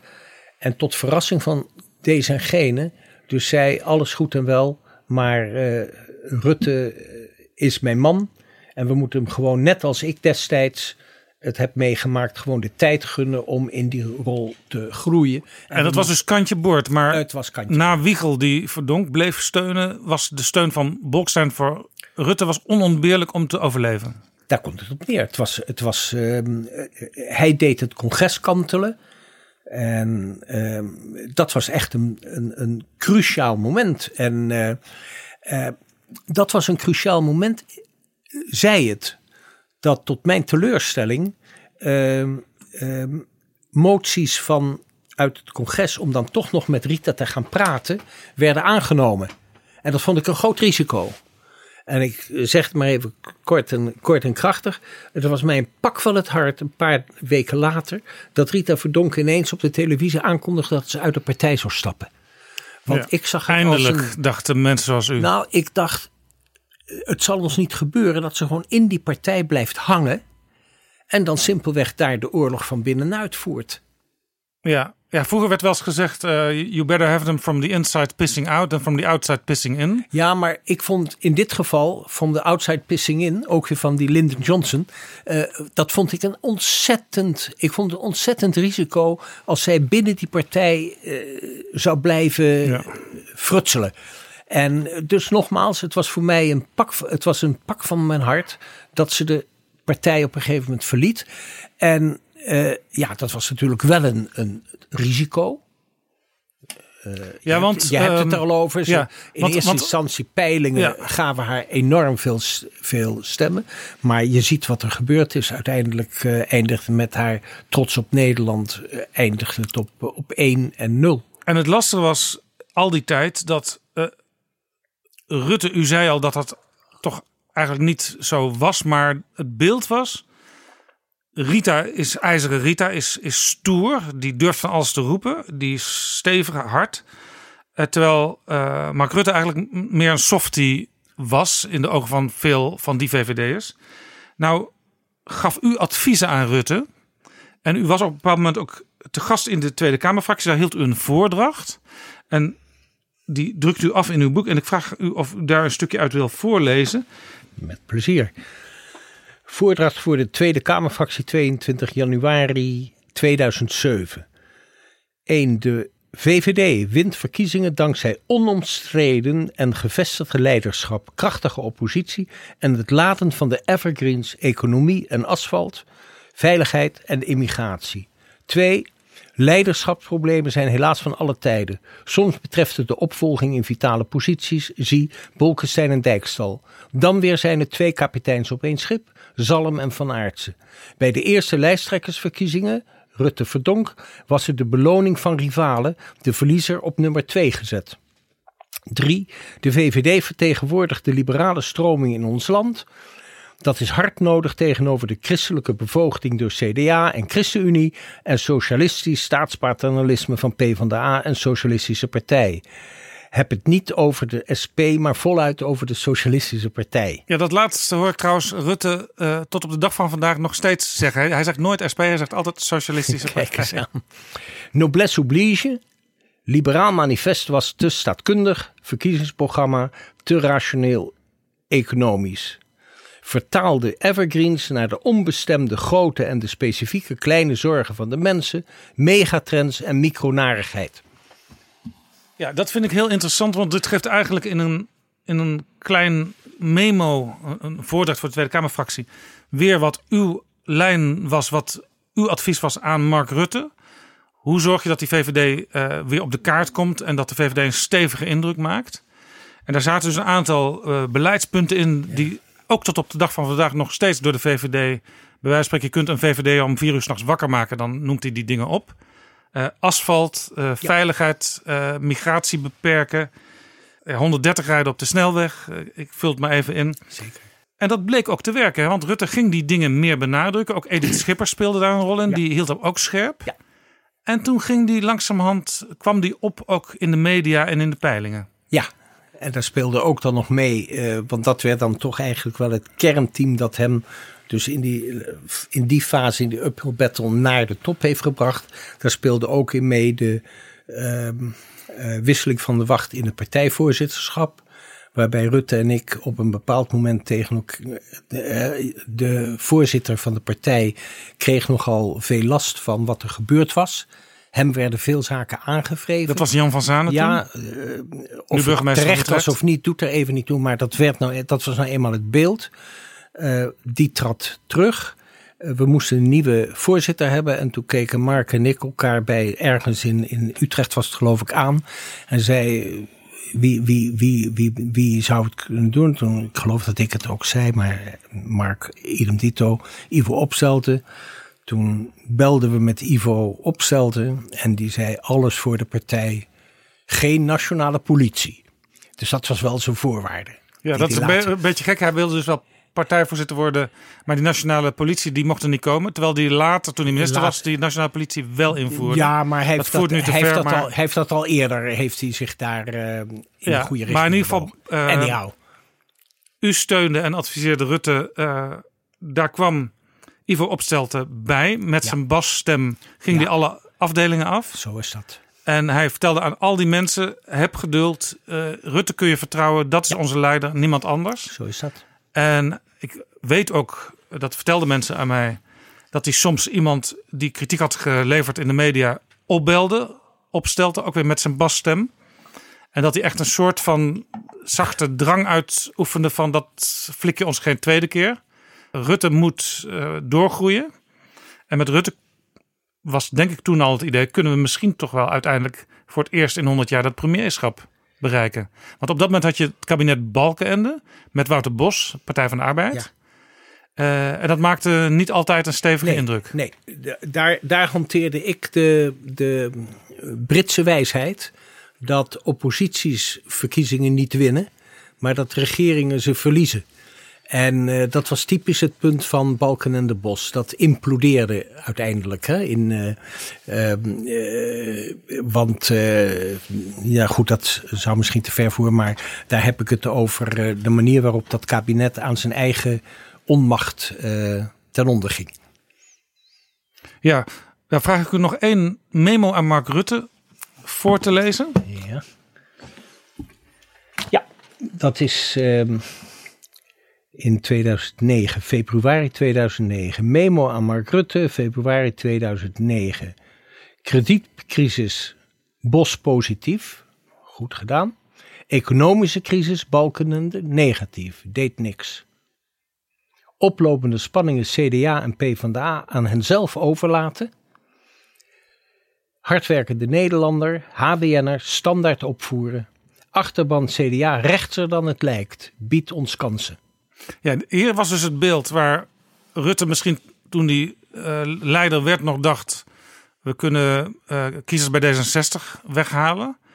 Was hier gewoon heel duidelijk het advies. Let op het CDA. Kiezers van Balkenende die hebben misschien wel genoeg van zijn premierschap. En dus we moeten alles doen om te kijken of we die mensen positief kunnen stemmen en naar de VVD kunnen halen. Zeker. Ja. Dus heel duidelijk ook eh, gewoon de duidelijk rechtse VVD-koers aanhouden. Eh, en er ook niet in gaan, gaan, gaan sjoemelen, maar gewoon helder. HWN, dat hoor ik Rutte ook nu bijna in elke speech voor zijn eigen partij zeggen. De hardwerkende Nederlander. Nou, ik hoor het. Ik hoorde laatst hoorde ik eh, Buma ineens ook. De Ja, er hardwerkende. Nederlander brengen. Ja, grappig. Ja, Buma neemt het over. Dus in die zin heeft Buma nu eigenlijk de tactiek die Rutte omgekeerd toen had naar het CDA. Want Buma is natuurlijk ook bekend de, eh, tijdens het kabinet met de Partij van de Arbeid van, uh, van Rutte, Rutte 2. Uh, die legt heel erg de nadruk op lastenverlichting, wat natuurlijk de VVD altijd ook belooft. Maar Buma zei toen, het komt er niet van. En Ja. dat, uiteindelijk kwam het er in dat kabinet wel van. Ja. En dat was ook een van de weinige keren dat Buma meedeed voor de Ja. meerderheid met dat kabinet. Klopt. Middengroep, hè? Ja. Ja. Dus heel interessant hoe dat gaat met strategie en, en, en tactiek. Ehm, er kwam op een gegeven moment ook een motie van wantrouwen tegen eh, premier Balkenende van Mark Rutte. Ja, Dat werd Dat- een beetje toch als merkwaardig gezien, ook vanuit de VVD-traditie.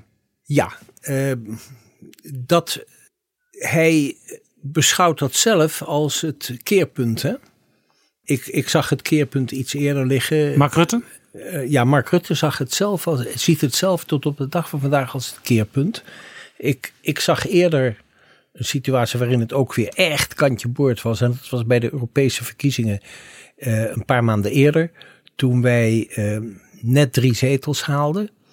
Als we er twee hadden gehaald, was het einde oefening geweest. Ja, de partij ging geloof ik toen van vier naar Van vier naar drie. En eh, we stuurden toen Hans van Balen. Die ging toen eh, naar de media toe om het vooral duidelijk te maken dat we een grote overwinning hadden geboekt. Dat was hem wel Ja, en daardoor kon het beeld bijbuigen. Precies.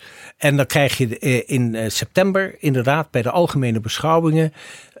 Balkenende doet het heel slecht. En Rutte komt met een motie van wantrouwen tegen het kabinet. Ongehoord in VVD-kringen.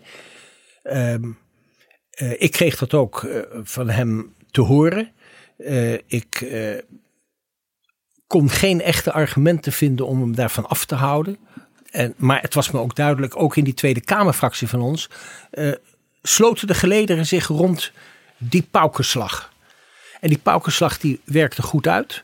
Want ehm, eh, ik ging kijken in de Tweede Kamer. En tot mijn tevredenheid eh, ging de SP onder meer ook mee met die motie van wantrouwen. Zodat uiteindelijk een derde van de Kamer die Ja, motie PVV steunde. ook. PVV ook. Maar bijvoorbeeld niet D66. En D66 niet. En dat was een blessing in disguise. Was eigenlijk wel goed. Want daardoor eh, zette Mark Rutte heel duidelijk zijn profiel neer als de oppositieleider.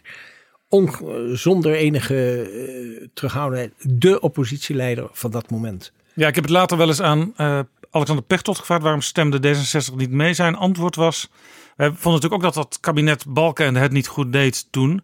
Maar eh, Rutte wilde in die motie zo ontzettend veel bezuinigen. Ik geloof 40 miljoen of zo. Dat was voor ons te miljard. gortig. Dat zou, ja. 40 miljard. Ja. Dat zou onze achterban niet, niet pikken op dat moment. Oh, Dat- ja. als we daar Nee, maar de motie van wantrouwen, als ik het me goed herinner, was eigenlijk een heel kort verhaal. Was een heel kort verhaal. Ja, maar daaronder van- zat die enorme bezuiniging. dat, dat wel, ja. Dat was dus een, eh, voor, in ieder geval voor Mark Rutte Ja. een markerend Het was, moment. het, ook voor mij was het een heel belangrijk moment, zeker. ja, en, en daarna ging het, eh, ging het met het kabinet ook bergafwaarts. Want toen kregen we het eh, rapport van de commissie Davids over, het Irak, over de Irak-besluitvorming. En daar ging alles in de regeringskring fout, wat er maar fout kon gaan. Hè?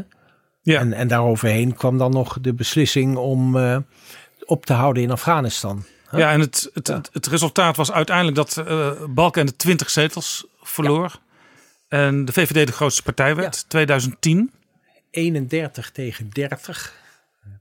Partij van de, Partij van de Arbeid had ook nog de grootste kunnen worden. Oh dat was ja, even dat- een avond lang oh het idee van Ja. wie wordt de grootste. En zoals we dat ook tegen elkaar zeiden. Rutte kwam ook als- pas midden in de nacht. eh, Zeker. En zoals we ook tegen Naar de elkaar tent zeiden. ze- Als, als het één dag la- later was geweest. had het wel eens net omgekeerd kunnen zijn. Want op die, Partij van de die Arbeid kwam op in de peilingen die 24, laatste 24, uren. 36 uur. schoof de Partij van de Arbeid over ons heen bijna. Ja. Ja, toen, ehm, ik maak even een sprongetje. Toen was er een kabinetsformatie waar u ook een rol in speelde. U was informateur. Daar wil ik het niet eh, verder echt over gaan hebben. Maar wel één klein dingetje. Want eh, er werd op een bepaald moment ook geprobeerd om Paars Plus te formeren. Hè, met Ja. VVD, Partij van de Arbeid, D66 en GroenLinks zouden voor het eerst bijkomen. Ja. Femke Halsema. Eh daar werd natuurlijk meteen in de Telegraaf oppositie tegengevoerd tegen dat idee. U kreeg ook signalen dat in de rechtervleugel van de VVD stemmen opgingen om zich zo nodig met Wilders te associëren.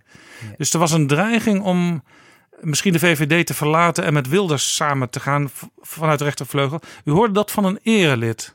Ja. Nou heb ik even gekeken wie toen op dat moment de ereleden waren. En daar waren, ja, ik denk niet dat Els Smit dit eh, u vertelde. Ik denk ook niet dat Frits Kordas Altes dat vertelde. Dus dat moet eigenlijk wel Bolkestein of Wiegel zijn geweest. En dan denk ik dat het Wiegel was. Dat laat ik aan u. Dat laat ik aan u. Maar dat Wiegel heel lang eh, voorstander is geweest van een soort van, überhaupt een soort van eh, volkspartij bestaande uit VVD en Wilders. Dat is onmiskenbaar. Dat is zo. Heeft daar zijn politieke gevoel Wiegel misschien toch in de steek gelaten? Want u weet dat uw adviezen, zoals die, die in de loop van de jaren heeft gegeven, dit, die uiteindelijk voor Mark Rutte allemaal goed zijn uitgepakt. Ja, eh, eh, kijk, eh, ik denk toch dat er in de. Toen, eh, dat is wel. Toen eh, we nog in de harde strijd zaten tussen. eh, Rutte, en en Verdonk. Verdonk. En dus Verdonk uit de partij werd gezet. Waren er velen, inclusief Wiegel, die echt ervoor vrees. Toen, dat, toen we dat deden, belde ik eh, eh, Wiegel op. Ja. En die zei me, ik begrijp het, maar, ik, maar hij zei wel, ik ben ondaan. Dat was typisch zo'n wiegel, prachtige wiegelformulering. Ik was ondaan, ik ben ondaan. Ja, het klonk alsof zijn erfenis uit zijn handen weggleed. Precies, ik ben ondaan. En hij zag echt die partij splijten. En anderen in de partij, onder meer Hans van Balen. Hans van Balen zei altijd, VVD'ers zijn geen overlopers. Als het erop aankomt, blijft er altijd een... Blijft men toch wel de partij trouw. En dat bleek ook toen eh, weinig, eh, uiteindelijk weinig verlies van leden in die tijd. En eh, dat heeft altijd gespeeld. Dat speelde dus ook in, in de periode waar, waar, waar je het nu over hebt. Ja, ik, ik ga st- stel straks nog even een paar vragen over Wilders en over de toekomst van Mark Rutte. Maar toch nog even naar een ja, voor u wel heel belangrijke episode die toen volgde. Uiteindelijk kwam er geen Paars Plus kabinet, Nee. maar een kabinet van VVD en CDA met gedoogsteun van Zeker. Geert Wilders. Zeker. Eh, uw vrouw en uw dochters die, die vonden dat eigenlijk helemaal geen leuk idee, hè? Nee, nee. Die, die, die, die, nee, die hadden daar niks mee. Nee.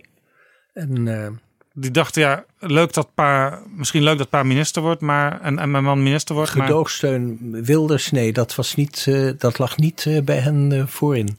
Voorop, nee. En, en mijn vrouw, nog even verder, die zei tegen me van, nou ja, als je, als je dat dan wil, doe het. Maar in elk geval niet de portefeuille immigratie en asiel. Want ze zag de bui al hangen. Ja, en u koos toen heel bewust voor een, departement waar u eigenlijk in uw andere werk niet zoveel mee te maken had gehad. hè? Want u had altijd meer met justitie, binnenlandse zaken Ja, en zo van doen ja, gehad. Ja, ja, het was ook weer niet zo zoals wel een beetje het beeld is eh, opgehangen dat ik helemaal dat ik altijd eh, binnen de landsgrenzen was geweest. Dat is bepaald niet het geval. Ik was juist een van degenen in mijn zowel in de wetenschappelijke hoek als ook in die toegepaste hoek van die crisis had ik een groot netwerk internationaal, maar dat doet er allemaal niet Ja, toe. want u werd Ik- minister van Buitenlandse Zaken. ik werd minister van Buitenlandse Zaken. Dat was, eh, ik, ik had zelf eh, daar juist wel trek in, omdat het weer eens iets anders zou zijn. En u trad aan en u zei: de tijd van rustiek tijdverdrijf in de diplomatie is voorbij.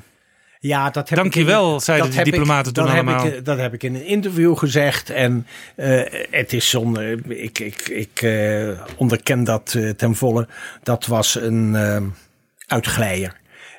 Zonder meer. En, en te meer omdat ik altijd in mijn wetenschappelijke verhalen altijd het erover had. In die politiek-ambtelijke verhoudingen. Dat je over en weer elkaar nooit naar buiten toe in elk geval eh, eh, vervelende dingen moet eh, zeggen over elkaar.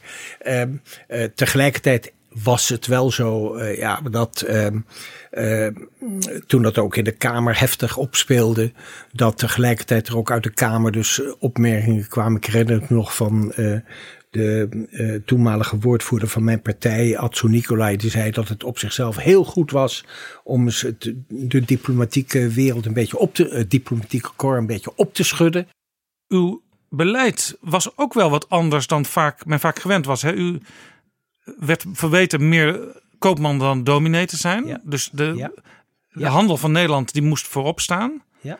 Eh, terwijl veel diplomaten die praten toch het liefst over vrede en veiligheid. eh, eh, de relatie met Amerika, de relatie met, eh, binnen de Europese Unie. Wat moeten we doen met Ja. de Russen?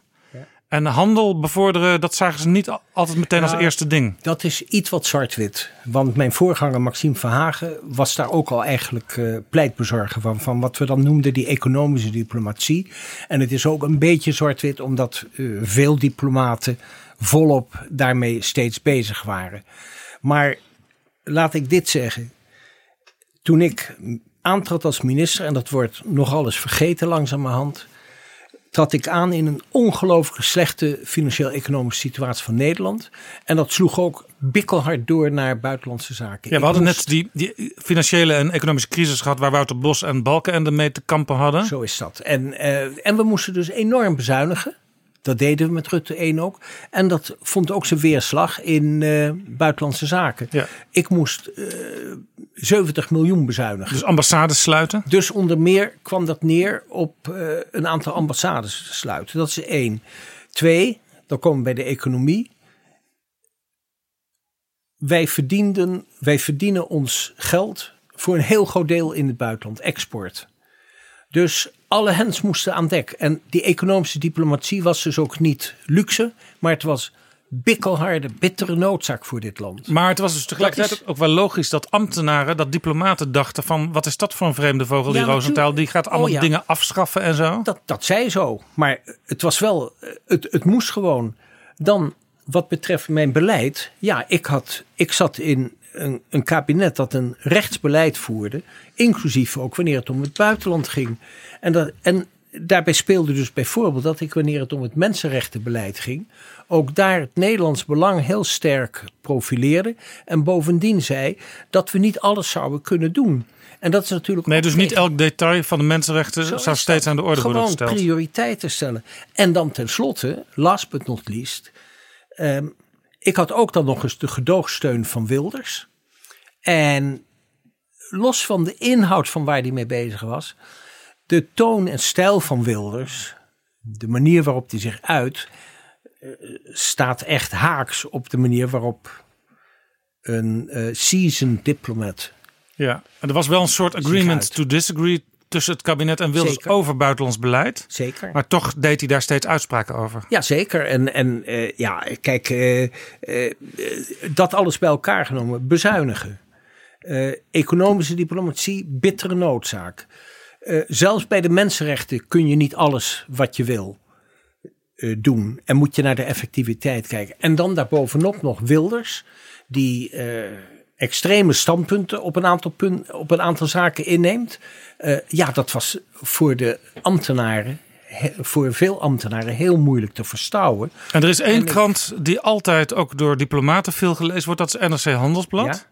En daar werd ook een beetje over u geroddeld in die krant. Ja, ja dat, de, de, de- de- daar, daar, moet je, daar moet je dan eh, in zekere zin boven staan. Maar er gingen over mij allerlei. ehm, er ging over mij allerlei fake news ging er eh, door, door Den Haag heen. eh, voorbeeld. eh, ja, dat is wel grappig. Een voorbeeld dat ik zelf kende was het, het verhaal dat ik vanwege mijn Joodse achtergrond niet op zaterdag wilde reizen en werken. Nou, fake news. Die Joodse hoorde- achtergrond klopt, maar u was niet orthodox Joods. Nee, totaal niet. Dus ik. En, en zelfs op de heiligste dag van, de Joodse jaar, van het Joodse jaar, de grote verzoendag. eh, zat ik notabene in de algemene vergadering van de Verenigde Naties. Volop eh, was ik aan het werk. Dus eh, fake news. En een ander punt, wel heel grappig. ik hoorde pas nu naar aanleiding van mijn memoires, dat van een journalist dat ook de ronde had gedaan voortdurend, dat ik niet, dat ik een bezoekerspas had voor mijn eigen departement en niet gewoon daar naar binnen kon. Dat zou natuurlijk bezopen zijn. Ja, totaal uit de Ja. lucht gegrepen. Maar dat soort dingen gingen rond. Ja. Ja. Ja. Ja. Dan één klein dingetje wat ik toch even uitlicht eh, over het beleid. Ja. Dat viel me trouwens op in de, de eerste avond dat u minister was. Toen was er een ontvangst eh, bij de Trevenzaal. Ik was daar ook. Ik zag u, op een gegeven moment ik kwam daar binnen. Ik zag u in een hoekje staan met een aantal journalistieke collega's. Ik ging daar natuurlijk bij staan, want ik, ik Ja. deed ook buitenlandse zaken toen voor het Algemeen Dagblad. En Oh ik ja. was benieuwd waar u het toen over had. En dat ging, dat ging over Israël. En ik stond er tien minuten en dat ging nog steeds over Israël. Nou, weet ik niet of dat aan u lag of over de vragen die gesteld werden. Maar Israël was wel ook een belangrijk onderdeel van de manier waarop u uw beleid voerde. Hè? Want u dacht, misschien kan ik daar toch iets betekenen in dat Midden-Oosten. Zeker, zeker. En uh, dat is toch wel op een andere manier eh, geweest dan nog wel eens naar, naar buiten is gekomen. Uh, ten eerste, wanneer het even nog terug naar Wilders. In de Kamer was het voortdurend zo dat van de linkerkant werd gezegd: fout beleid van de minister, veel te vriendelijk, bijvoorbeeld voor Israël. Van de kant van Wilders werd gezegd: uh, Rosenthal moet gaan voor groot Israël-gedachte. En dat noemden ze dan Judea en Samaria. Nou, dan zei ik in die kamer heel rustig. Uh, dit is, uh, Wilders mag vinden wat hij vindt, maar ik vind dit in elk geval onzin. Ja, want u, u stelde wel degelijk. Dus, dus ik, kwam, ja. ik kwam daartussen te zitten. En dan in het bredere verband is mijn mantra voortdurend geweest in de richting van de Israëli's help mij zodat ik jullie kan helpen. En dat heeft waarachtig enorm veel geholpen. Ik kon dingen voor elkaar krijgen in die ruim twee jaar dat ik minister ben geweest. In het Midden-Oosten ten behoeve van de Palestijnen. Waar mijn collega's in Europa echt van opkeken. Ja, want je ziet vaak ook, ook vandaag de dag in het, als het over Israël gaat. Dat uh, het gaat er zit geen enkel eh, schot in. Niet aan de Palestijnse kant, niet aan de kant van de, van de regering van Netanyahu op dit moment. Uh, dat zijn betrokken stellingen die ze niet loslaten. En u probeert dus eigenlijk door tegen de Israëlische uh, regering te zeggen: geef mij wat ruimte, dan kan ik misschien voor jullie ook wat realiseren. Ja, dus uh, om het concreet te maken, ik voelde mij op een gegeven moment, zo heb ik dat ook wel gezegd, ik voelde mij als het ware een soort van, van fruithandelaar. Want ik was bij machten om de Israëli's te bewegen om meer in een export van, van groente en fruit naar en, en, en uit Gaza mogelijk te maken. Ik was bij machten om um, um, ervoor te zorgen dat er uiteindelijk nu twee zogeheten scanners zijn aan de, aan de grens van uh, Jordanië, Israël en Gaza, Israël. Uh, waardoor veel gemakkelijker goederen snel uh, kunnen worden doorgevoerd. Ja. Kortom, dat soort dingen. En, en, en op een gegeven moment was ja. Abbas, de leider van de Palestijnen, die, daar had u ook veel contact mee. Ja. En daar, was ook een, daar ontstond ook een, een goede band. u begon op een gegeven moment ook zelfs te denken van misschien kan ik wel die twee partijen, uh, al is het op een geheime plek, bij elkaar brengen. Zeker, zeker. Dat, dat, hebben we, dat is toen geweest onder de codenaam Blauw-Groen. Daar heeft ook de toenmalige woordvoerder van de VVD in de Tweede Kamer, Hand en Broeke, een rol in gespeeld. Maar ik heb dus ook legio contacten toen gehad uh, met Ramallah, met Jeruzalem. over, het was een soort van pendelen om te bekijken of we ze zo ver zouden kunnen krijgen, Netanyahu en Abbas, om ergens in de wereld, zou ook bij ons kunnen zijn geweest, elkaar in de ogen te kijken en dan met elkaar een deal te sluiten. En um, dat ging zo ver dat wij van onze kant aan beide, van zowel Abbas als Netanyahu, in elk geval de mededeling kregen dat zij um, er geloof in aan hechten, vertrouwen erin zouden hebben, dat ze na zo'n bijeenkomst niet met lege handen terug zouden hoeven gaan. Daar hebben wij dus onze nek heel ver uitgestoken. En daar zijn we toch wel dichtbij geweest. Uiteindelijk is het, niet, is het geklapt op allerlei zaken waarbij ze dan toch aan beide kanten terug onderhandelden. Uh, de Palestijnen iets meer dan de Israëli's, maar beide onderhandelden terug kwam gedoe, kwam gedoe over gevangenenruil. Over dus u had even zeg maar, het, het gevoel wat uh, Jared Kushner, de schoonzoon van uh, president Trump, op dit moment heeft. Van misschien kan ik wel een soort historische deal organiseren tussen die twee. Ja, nou ja, in elk geval de, de openingsset daarvoor creëren. En uh, we hebben dat gedaan in, in zeer dat was een zeer geheime operatie, waarbij ook aan onze kant, moet ik zeggen, alleen uh, de premier, Mark Rutte, en uh, mijn, uh, mijn eerste adviseur op dat gebied, dat was directeur-generaal politieke zaken Karel van Oosterom. Hè, nu in de Veiligheidsraad. Ja, nu eh, in de Verenigde Ja, Naties Veiligheidsraad. Precies. En eh, onze ambassadeur in ehm, eh, eh, Jeruzalem, in Tel, Tel Aviv, daarmee bekend van. In Tel Aviv en in Ramallah. Ja, moet de ambassade trouwens naar Jeruzalem worden verhuisd? Ik vind dat, ik vind dat niet top of de, op de top van de prioriteitenlijstje staan. Ik wil wel zeggen dat ik die ehm, ehm, overgang van de ambassade van Amerika naar Jeruzalem. Eh, dat vind ik eigenlijk een, een, een, een zaak waarbij ik denk van nou, als die Trump zo'n dealmaker is, dan mogen de Israëli's nog wel eens zich achter de oren krabben over wat ze zo meteen van hun kant moeten aanreiken in de richting van de Palestijnen. Want dit is geen goed teken naar de Palestijnen toe. Dit, dit is natuurlijk een, een, een, een zware toestand voor de Palestijnen. En als je een dealmaker bent, meneer eh, president Trump, dan moet je ook iets dus doen wat de Israëli's koud op de maag valt.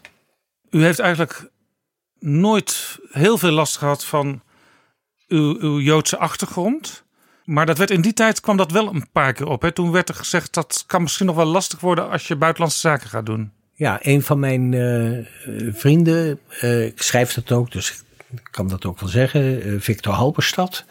Die zei tegen mij, ik weet niet of het verstandig is, een Joodse minister van Buitenlandse Zaken. Moet je daar iets van aantrekken? Ik heb hem niks. Ik heb hem. Ik heb het natuurlijk. Als zo iemand iets tegen je zegt, neem je dat zeer serieus. Maar ik heb het, ik heb het gedaan. En eh, ik moet ook zeggen dat ik. ehm, eh, kijk, door mijn hele loopbaan heen, door mijn hele leven heen, heb ik in mijn jeugd natuurlijk veel van doen gehad met die Joodse achtergrond. Ouders uit oorlogsvluchtelingen, net aan de Holocaust. eh, ehm, eh, daar, daar eh, geen slachtoffer van geworden, maar het scheelde niet veel. Ja. Daarna, tijdens mijn academische loopbaan, ook met het crisisonderzoek, zien ze af en toe eens iets, maar nauwelijks. Jean Asselborn, de minister van Als minister Luxemburg, Ja, die nog steeds minister van Buitenlandse Zaken is, ja. Die zei er wel dingetjes over in, in interviews. Hè? ja die, die kwam heel dichtbij om, om die kaart te trekken. Eh, met name ook in, ehm, in de Duitse pers, waar die goede toegang had. Ook een keer een interview in Der Spiegel. Of in elk geval een bericht in Der Spiegel. Van duidelijk was dat het van hem kwam. En waar die werkelijk mijn hele doopzee lichtte op die manier. En toen ik hem daar een keer over eh, eh, aansprak. In Brussel. Zei hij, aber Uri, dat is toch kans klaar. Dat is toch, eh, eh, dat is toch zo. Hè? Ja, en verder had ik natuurlijk van die situatie waarbij de secretaris-generaal van de Arabische Liga mij ineens eh, begon te onderhouden eh, over eh, de protocollen van de wijze van Nou ja. Zion en dat soort dingen. Maar dat waren toch, toch eh, uitzonderingen. En laat ik wel zeggen, ik was met mijn Arabische ambtgenoten, moslim-ambtgenoten, met sommige van hen was ik heel close en beste maatjes.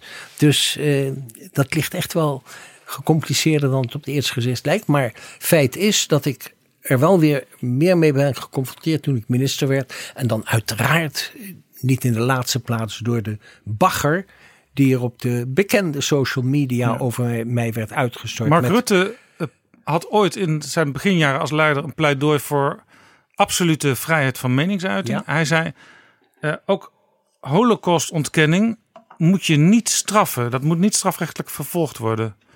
U was het daar toen niet mee eens. Nee, daar was ik het zeer mee oneens.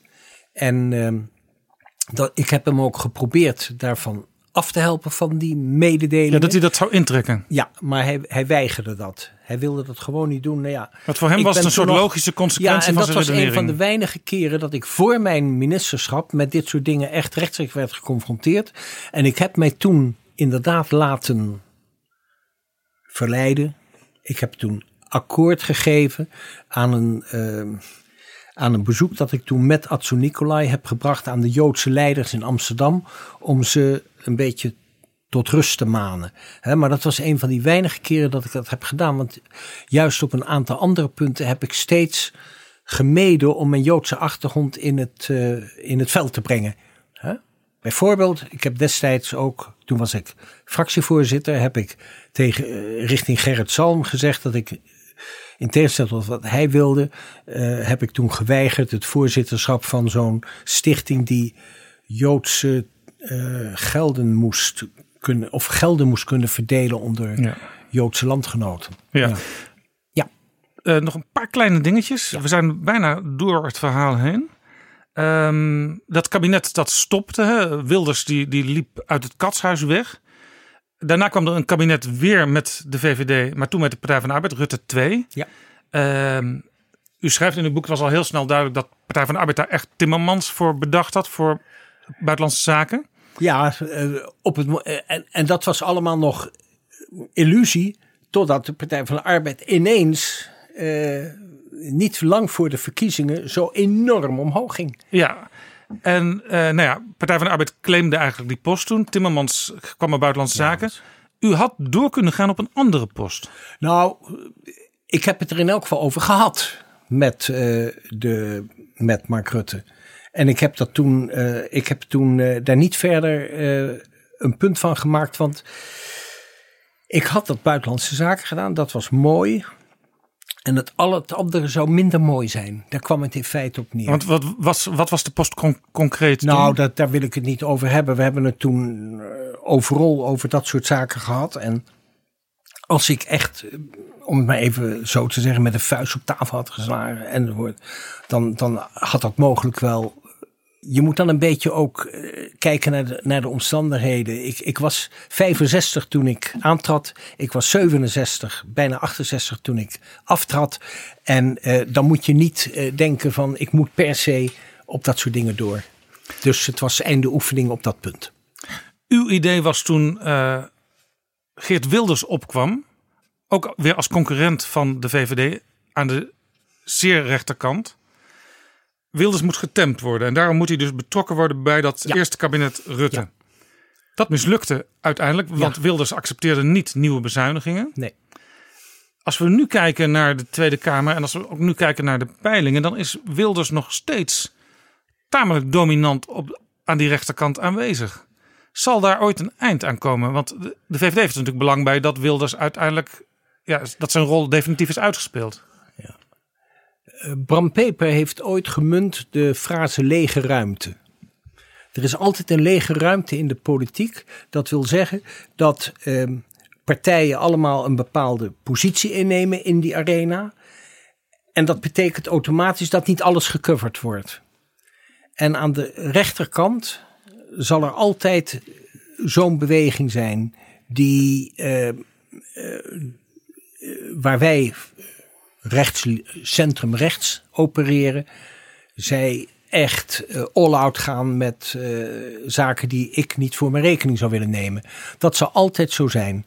Wat ik van de, eh, van de toestanden in Rutte 1 heb geleerd, is in elk geval dat ehm, voor ehm, dat Wilders. ehm, als het erop aankomt, zijn verantwoordelijkheid voor het bestuur van het land, landsbelang, eh, minder hoog acht dan stemmen binnenhengelen voor, eh, voor zijn eh, positie in de Kamer.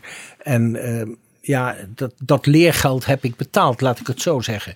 En we hebben hem niet getemd. En eigenlijk zou je je kunnen afvragen of we, gek genoeg misschien, niet een fout hebben gemaakt in 2010. Ik bedenk het nu, moet ik zeggen, dat we hem halfway hebben gepositioneerd. Kon ook niet anders. Halfway? halfway, dus geen volle regeringsverantwoordelijkheid. En dat kon ook niet vanwege de eh, tegenstelling over de positie van de islam. Ja, en het Wij CDA zeiden- kon dat sowieso op zeiden- dat moment niet nee, verstouwen. Maar, maar wij zeiden samen met het CDA, islam is een religie, dus godsdienstvrijheid en alle rechten en plichten die ja. erbij horen. Maar misschien was En- het dus anders gelopen als je hem, wat ze in Vlaanderen wel noemen, het bad in had getrokken. Ja, als je hem echt helemaal het bad in, dat bedoel ik met halfway. We zijn halfway geweest. En daardoor kon hij zich ook gemakkelijk daar weer in zekere zin aan onttrekken. Want dat is natuurlijk gebeurd met de LPF destijds. Die werden het bad ingetrokken Ja. en na En twee verkiezingen waren ze verdwenen. Ja, zo is dat. Zo is dat. Eh, en het is overigens, eh, ja, en, en eh, op dat punt zitten we dus wel met het probleem dat we ook door het toedoen van de vulling van die lege ruimte op rechts, dat dus de mogelijkheden tot coalitievorming natuurlijk beperkt, uh, beperkt zijn en, en uh, niet de volle 150 zetels coveren die we hebben in de Tweede Kamer. Hoe staat de VVD er nu voor? Want je hebt in de politiek natuurlijk uh, cycli, opkomst ja. en neergang van een, een, een, fase in een partij van, van leiderschappen. Ja. Rutte is in 2006 aangetreden. Dat is inmiddels al twaalf jaar geleden. Ja. Hij is inmiddels ook uh, ruim acht jaar minister-president. Uh, nou, als hij de rit uitzit, dan is dat ook een hele lange fase. Dan kom je in Lubriaanse termen te spreken. Uh, je zou natuurlijk kunnen denken, ja, Rutte wil Lubbers overklassen. Dus de langstdienende premier ever. Uh, maar je kunt ook denken van ja, misschien moeten we Rutte behoeden voor wat bijvoorbeeld Balkenende is overkomen. Ik, ik, ik denk niet in die termen. Ehm, ik, ik, ik voel gewoon zelf dat ehm, Rutte kennende, dat hij sowieso gewoon nu doorgaat en dat Brusselse escapades aan hem niet besteed zullen zijn. Dat ligt gewoon aan zijn liefde voor het land. Dat is de inzet die hij heeft. Toch ehm, sluit Rutte zelf niet uit dat er een beroep op hem wordt gedaan. Al zegt hij dat inderdaad bij. Ik ga het niet doen. Maar het kan zijn dat Merkel en Macron op oh, een dat zou, dat, zeggen. Dat zou heel, heel wel kunnen. Eh, maar los van, van uh, dat hele verhaal geldt ook nog eens dat hij uh, waarschijnlijk in de positie die hij nu heeft en straks heeft als Merkel verdwijnt, langzittende regeringsleider in Europa, dat hij dan een positie heeft die mogelijkerwijze sterker zal zijn, sterker zal zijn dan als een soort van middelaar als voorzitter van zo'n Europese raad, laat staan Europese Commissie. Waar maar, je toch eigenlijk hoogste ambtenaar bent. Maar dat is even ja. dat punt. En, en, wat, de, kijk, en wat, wat de partij op zichzelf betreft, eh, denk ik dat die. Eh, CDA heeft ooit, en wij hebben dat ook geloof ik wel gebruikt, dat woord herbronnen. Hè? Nou, dat vind ik een eh, heel, heel vervelend woord, maar dat, dat wij het liberalisme moeten smeden naar de aard van de uitdagingen die we nu hebben in de 21ste eeuw, is voor mij zonneklaar.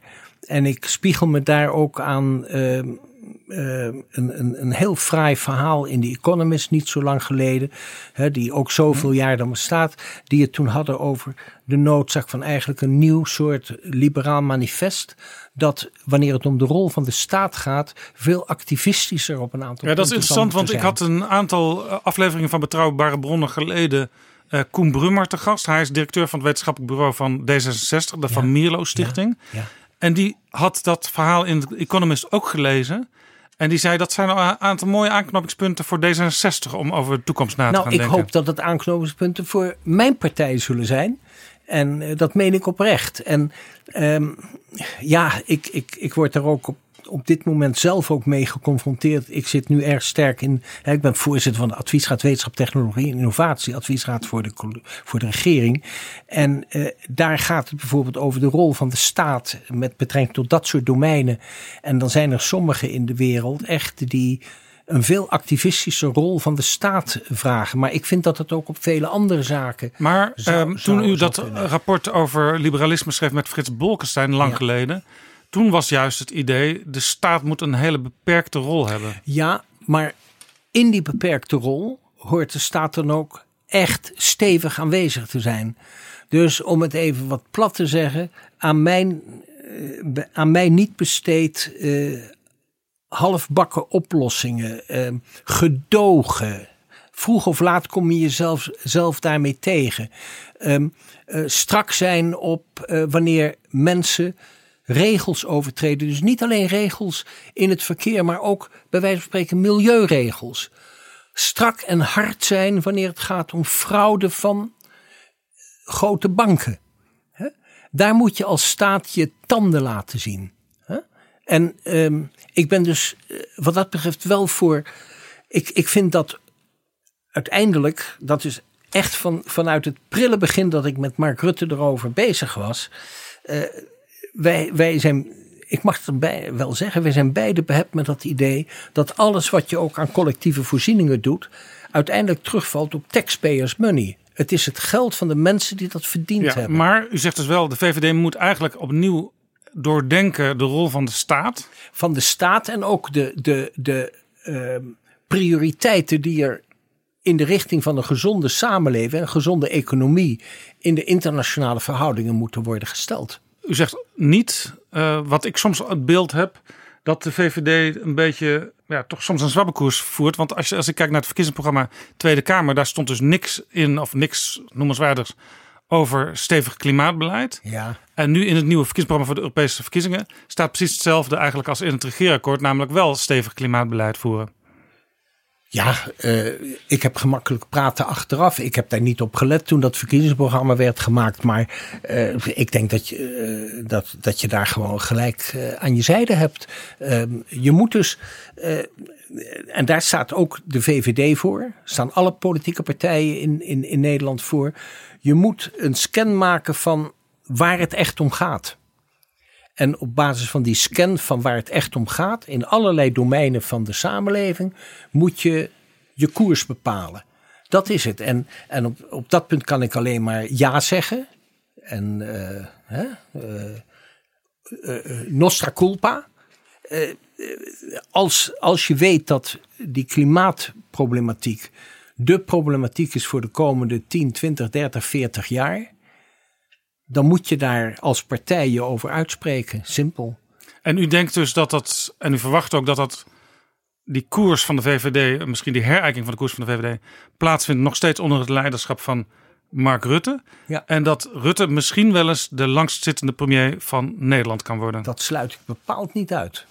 Uri Rosenthal, hartelijk dank voor dit mooie gesprek. Dank, graag gedaan.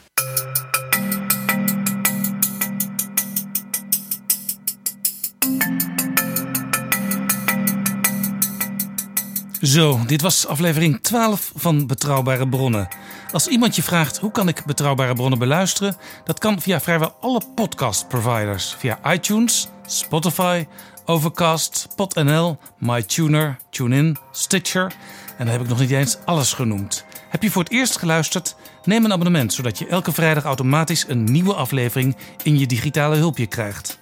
Reacties zijn zeer welkom. Dat kan via Twitter, apenstaart Jansen en apenstaart PG Kroeger. We hebben ook een mailadres. Dat is betrouwbare bronnen. Tot volgende keer, dan in aflevering 13. Betrouwbare bronnen wordt gemaakt door Jaap Jansen in samenwerking met dag en nacht.nl.